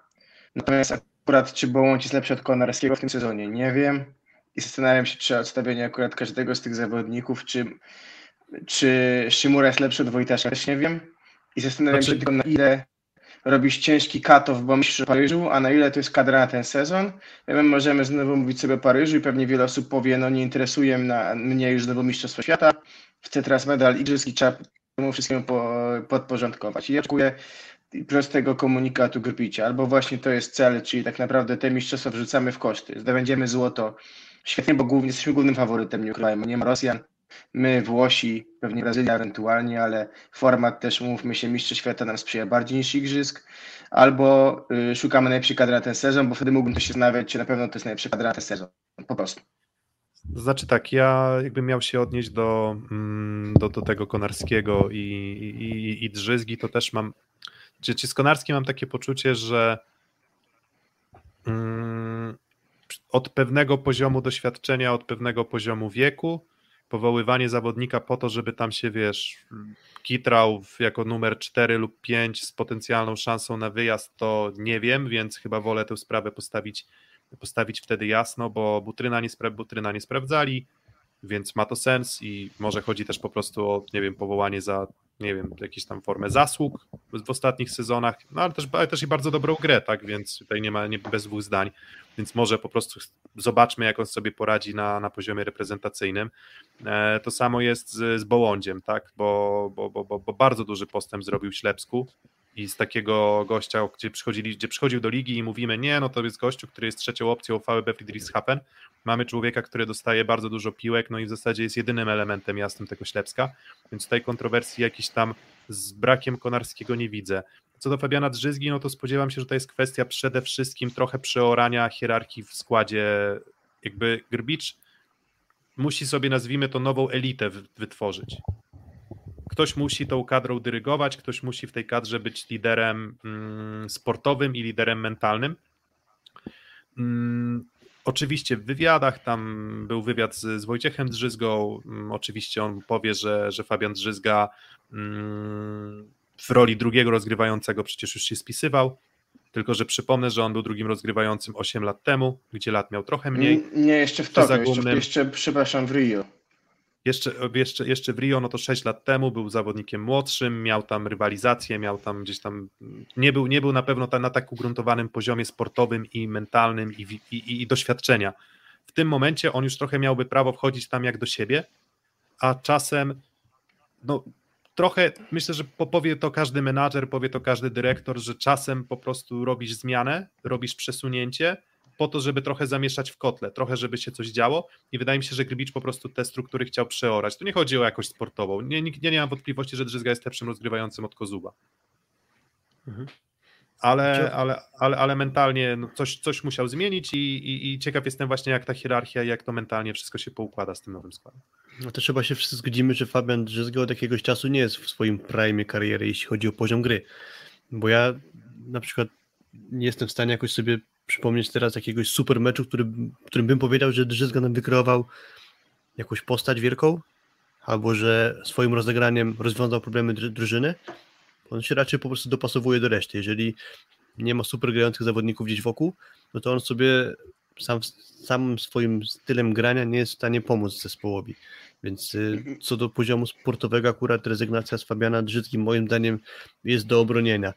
I tak samo nie widziałbym raczej sensu takiego, brzydko mówiąc, włożonego po świecie w roli czwartego czy trzeciego rozgrywającego. W roli strażaka jest dobrze sprawdzony Grzegorz Łomacz. Akurat jest, to jest taki moment, gdzie naprawdę możemy z Drzyzgi zrezygnować i mamy kim ewentualnie go zastąpić. Bo myślę, że takim właśnie graczem może być Marcin Janusz. Trochę mniej wierzę w Janka Firleja, ale to nie dlatego, że uważam, że jest słaby czy coś takiego, co po prostu wyżej cenie Marcina Janusza, tak bym powiedział. Mm, No, Co tak, innego, no wiesz, no, w, tym, w tym sezonie tak, Popatrzmy- szczególnie, szczególnie że Popatrzmy wiesz, że tylko jest, je- jedno zdanie, popatrzmy tylko na sytuację, no, mamy tego Marcina Janusza, gdyby to było tak, że rezygnujemy z Fabiana Drzyzgi, a chcemy na pierwszego rozgrywającego kadry wstawić Łukasza Kozuba, to bym protestował. Ale stawiamy na gościa, który moim zdaniem może to dźwignąć. I kiedy jak nie ciekawy teraz. wątek panowie Piotr Nowakowski, prawda? No bo on tutaj był zapewniony przez Grybicia, że ma być w kadrze, a jednak zrezygnował. To oczywiście nie dziwi pod kątem problemów zdrowotnych, ale jestem ciekawy właśnie takiego wyboru Grybicia. No tu nie ma wątpliwości, że jakościowo pewnie znowu um, Nowakowski pewnie dalej by się mieścił w siódemce najlepszych y, środkowych w Polsce. No ale no, decyzja myślę, że też zakończenia, też są następcy goni. Myślę, że Huber tak naprawdę no, w to miejsce wchodzi jak masło. Natomiast trzeba też powiedzieć sobie otwarcie, że kończy się pewna dekada y, turbo zawodników y, utytułowanych i to jest dla mnie chyba największy szacunek albo jeden z większych dla Nowakowskiego za to, co się stało po Tokio, bo nie wiem, czy wiecie, że była sytuacja taka, że no, kadra była strasznie rozbita, on jednak jakby wziął na siebie ten ciężar jakby tego, żeby skrzyknąć każdego, żeby jednak jeszcze w tych mistrzostwach w Polsce zagrali. No i skończyli tą karierę swoim medalem. Jakby nie patrzeć, pewnie liczą na złoto mistrzostw Europy, by szła, przyszła Słowenia i kolejny meltdown, ale myślę, że to była też postać, która no, wniosła nasz środek na zupełnie inny poziom, umówmy się. Nie, no to tak, no to jeden, jeden z tych pierwszych, gdzie, może, gdzie, gdzie jeden z tych pierwszych środkowych, czy jeden z pierwszych zawodników naszej kadrze, o którym można było powiedzieć, że no to był poziom światowy, bo on przecież zaczynał w 2009 i w zasadzie od samego początku parametrami fizycznymi, jakością, jakością gry, no, trochę przez kontuzję pewnie może byłby w stanie wycisnąć jeszcze więcej, no ale reprezentacyjnie utytułowany fantastycznie, zasługuje na wielkie pożegnanie na pewno Piotr Nowakowski, bo, bo, bo wielka postać i taka niekontrowersyjna, w sensie, że, że trudno jest mu zarzucić cokolwiek. Zawsze był do dyspozycji trenerów kadry mm, i jak tylko był w formie, to, to, to grał, grał kapitalnie. Jak już jest taki obraz kadry w mojej głowie, to bardziej wrytą w tę drużynę postacią jest Piotrek Nowakowski dla mnie, aniżeli nawet Michał Kubiak. Więc y, na pewno to, co mówisz, jakieś pożegnanie godne, to dobra, oczywiście, to nie to, że Kubiak nie powinien takiego pożegnania mieć, bo to też jest postać znacząca w historii tej reprezentacji. No, jest pewna przemiana pokoleniowa, tak jak trochę było po 2014 roku, gdzie Tak. kończyli Guma, kończył Wlazły, kończył Winiarski, Winiar. kończył Ignaczak. E, Tak teraz mamy podobną sytuację. No mówię, Możemy no, się cieszyć wiecie, tym, że jest kim ich zastępować, tak się wydaje. mówię czas. Ale też taką mam, wiesz co, Piotruś, pozwól tylko na refleksję, że jesteś takim sportowcem, takim nowakowskim, 13 lat czy 12 lat pracujesz w kadrze. Nagle trafia się, się igrzyska, coś o czym marzysz i nagle jesteś kontuzjowany, no, bo tak miał prawie cały sezon kadrowy, no to jest dramat, jakby nie ukrywajmy, tak? Pracujesz na coś pi- pi- 20 lat swojej kariery i w tym jednym roku przychodzą problemy zdrowotne, oczywiście wynikające pewnie z wieku, z obciążeń wcześniejszych, ale no jest jakiś mały dramat, tak? Czy, czy nawet duży pewnie każdej z osób, która o tym co marzyła po prostu, bo nie łudźmy się, że Nowakowski też w poprzednim sezonie już tej, formy nie prezentował takiej, a nie innej z uwagi na problemy zdrowotne na pewno w dużej mierze. Ale jeszcze co pozamiatał na w tym w Mistrzostwach Europy i tam robiąc tam 1,2 bloku na set chyba, więc to w ogóle jakiś absurdalny, absurdalny był to rezultat, więc jeszcze, jeszcze swoją cegiełkę na pewno, na pewno tego sukcesu dołożył. Mm, No, wiecie, widziałem dyskusję, na, widziałem dyskusję na Twitterze, w której poruszony był wątek tego, że tam w kontekście chyba Szymańskiego czy Fornala, że tam czy tam 24 czy 25-latkowie, którzy praktycznie nie otrzymują szansy. I taka jest niestety specyfika, bo tam nie ma co się na to obrażać. Jeżeli masz fantastycznych zawodników, to trochę jak nie wiem, przypomina mi się e, Real Madryt za Zizou, tak? To generalnie, gdy masz ty swój prime, to masz 30-latków i oni zabetonują ci tę kadrę. Masz gości fantastycznie doświadczonych na najwyższym poziomie, choćbyś miał i fenomenalnie utalentowanych zawodników na ławce, to oni po prostu są jeszcze cały czas słabsi, więc nie ma co się obrażać na to, że tam ktoś otrzymuje szansę w wieku 25 lat, bo po prostu pokazuje to jakiś tam potencjał pewnie mm, sportowy w naszej, y, w naszej siatkówce, ale przychodzi moment, w którym to doświadczenia trzeba zebrać. Trochę trzeba przegrać, trochę trzeba wygrać, i dlatego właśnie wydaje mi się, że to odcięcie też Fabiana Drzyzgi ma trochę, nie wiem, może Marcinowi Januszowi dać doświadczenie, presję. Gdyby, gdyby to było tak, że jeszcze byłby Fabian Drzyzga, trochę rotujemy, może stawiamy na niego, tutaj już nie ma dyskusji. Jest pewnie Marcin Janusz, prawdopodobnie będzie stawiany w roli jedynki. Musi to udźwignąć, a jeżeli tego nie będzie udźwigał i to, to mamy jeszcze rok na to, żeby potencjalnie poszukać jakichś tam alternatyw. Im wcześniej, tym lepiej i to się tyczy nie tylko Janusza, ale tyczy się wszystkich zawodników, których trzeba będzie testować w, e, w Orzełku i bardzo dobrze, że to się wszystko dzieje. Dla mnie super. To trochę mi się przypominają słowa Zbig, chyba Zbigniewa Bońka, o którymś z selekcjonerów w reprezentacji, że chciałeś rower, to pedałuj. No skoro Marcin Janusz dał się powołać Nikoli Grubiciowi, to chyba ten rower chciał, więc teraz niech trochę popedałuje, zobaczymy, gdzie dojedziemy. Ja bym, ja bym e, gdybym miał być romantyczny, to bym chciał w spotku taki mecz, gdzie zagrają młodzi przeciwko starym na pożegnanie, dwa, trzy sety, taki happening. Myślę, że to by było fajne, pełna, pełny, pełny spodek. Takie przekazanie pałeczki, bardzo, bardzo takie e, naoczne, że tak powiem. Tego bym chciał. Wojtaszek, na, Wojtaszek na ataku, Nowakowski na libero, jeszcze Tak. jakieś takie rotacje, ro, śmieszne rotacje. E, Z, z nieoczywistych postaci, no to kogo jeszcze można wskazać? Piotr Orczyk pewnie, tak, Jakub Szymański, może Kamil trochę, Szymura. Krzysztof Rejno. może trochę tak, Krzysztof Rejno, może trochę na wyrost, Karol Urbanowicz pewnie jeszcze na wyrost, ale, ale, ale, ale z potencjałem. Mateusz Poręba, mm, cieszę się, że to nie będzie w tej kolejności numerem 5, bo to oznacza, że powinien coś tam dostać szansę.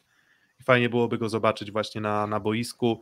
Aczkolwiek no nie oszukujmy się, że Bieniek, Huber, Kłos i Kochanowski, no to, są myślę, że absolutni pewniacy do tego, żeby na Mistrzostwa Świata pojechać. I życzę Mateuszowi Porębie, żeby na przykład doszlusował do poziomu, który Karol Kłos, e, Karol Kłos prezentuje, mm, bądź prezentował w tym swoim prime, bądź prezentuje obecnie, więc, e, więc, więc Karol wieku mu nie wypominam, ale jednak powinien powoli, powoli schodzić z tego poziomu. Mateusz jeszcze powinien być coraz lepszy, ale to wszystko jest kwestia tego, jak, o, jakim, o jak dużym potencjale w jego, w jego przypadku mówimy. Um, Bartłomiej Lipiński chyba też e, fajnie, że kolejny dobry sezon i, i już, już, już, już dostał szansę w końcu, bo tak było kilka postaci, które miały tę szansę dostać. No ja się cieszę też i z Firleja, i z Butryna, i z Lipińskiego, no i z Poręby, że, że wszyscy dostają szansę. To jest dla mnie super, super sprawa. I to nie chodzi tylko o to, że jest trzech z AZS-u. E, Kogoś wam brakuje bardzo, poza tymi oczywistymi? W sensie, że pokończyli kariery Damian Wojtaszek, Konarski, Pit, nie określił się Fabian Drzyzga.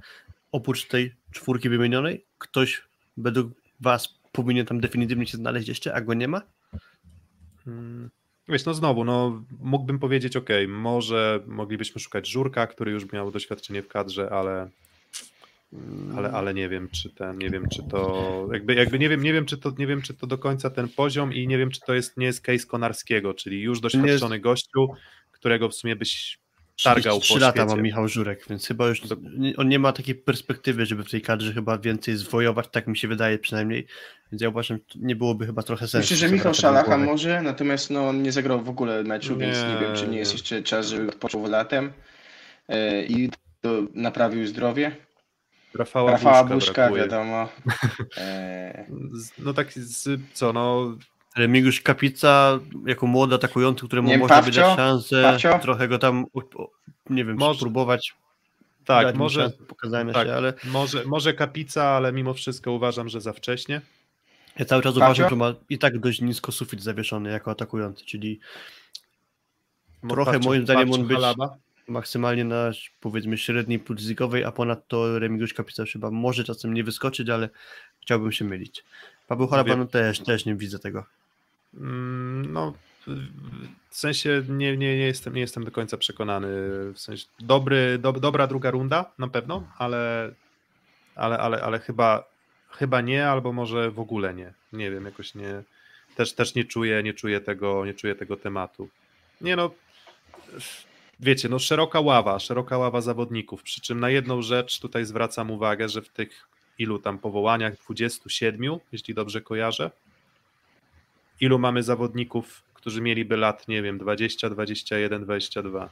O, Rusin, Rusin, to też kilka razy mnie to kilka razy mnie to rozbawiło właśnie, że, a, że, że, że Rusin gdzieś tam się pokazywał, że no nie, nie, nie, nie, Nie, nie, no, nie. 20, 20 tam 9 czy 30 latek, który zagrał pierwszy sezon, no nie, nie, nie przesadzajmy. To, to, że, to, że skacze wysoko, to chyba nie wszystko. E, chociaż to też, też brzmi to, nie, przepraszam, bo to zabrzmiało, jakbym ja nie doceniał. Doceniam jego jakość, ale no nie na reprezentację. Ale wracając do tego tematu młodych Tak. zawodników, jeden. Jeden, czyli Karol Urbanowicz, to jest taki zawodnik, powiedzmy, z, z, z młodziutki. nie wiadomo, czy się w w 25 w ogóle wejdzie tak naprawdę, tak? Bo czterech musi jeszcze chłopaków odpaść. No i, i, i to jest coś, co powtarzam, że mamy spokój na lat 6, na dwa cykle olimpijskie następne, a dalej no trzeba się zastanawiać nad tym, jak te wyrwy uzupełniać, bo w tych młodych rocznikach, na przykład w Spale, no to okej, masz może, nie wiem, Hawryluka na przykład albo Graniecznego, ale jednocześnie masz Popiwczaka, który może grać spokojnie jeszcze przez następne 10 lat. To co ci po tym nowym libero, tak?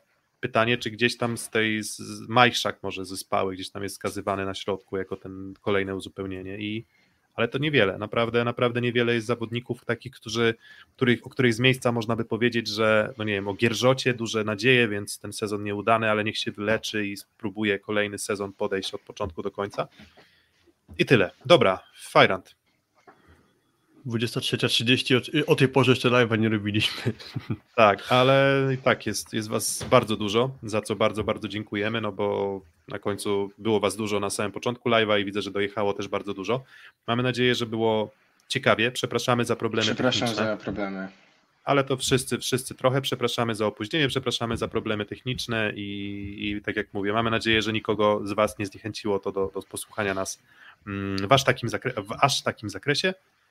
No i dzięki. Mm, 23.30 do spania idźcie wszyscy, no bo jutro do pracy, do szkoły, do przedszkola, jeżeli są tutaj młodzi fani siatkówki, którzy też nas, też nas słuchają, ale pewnie ci już może są w łóżkach od dawna i sobie odsłuchają jutro. Jeszcze dwie noce trzeba przespać i zaczynamy grę o finał plus ligi. Dokładnie, ale, ale jednak kurczę, no spodobało mi się określenie mojego kumpla, który mówi, że, mm, że z, z tymi playoffami i graniem ich to jest tak trochę jak na zapalenie płuc, albo jak picie zimnego piwka w, letni upalny, letnie upalne popołudnie. Że pijesz, pijesz, pijesz i chcesz wypić wszystko, a potem ci się trochę odbija, więc mam nadzieję, że nie będzie tak, że to granie co trzy dni spowoduje, że po prostu nam się będzie ulewało. Jeżeli będzie wysoki poziom sportowy, to na pewno nie. Dzięki. Trzymajcie się. Do usłyszenia.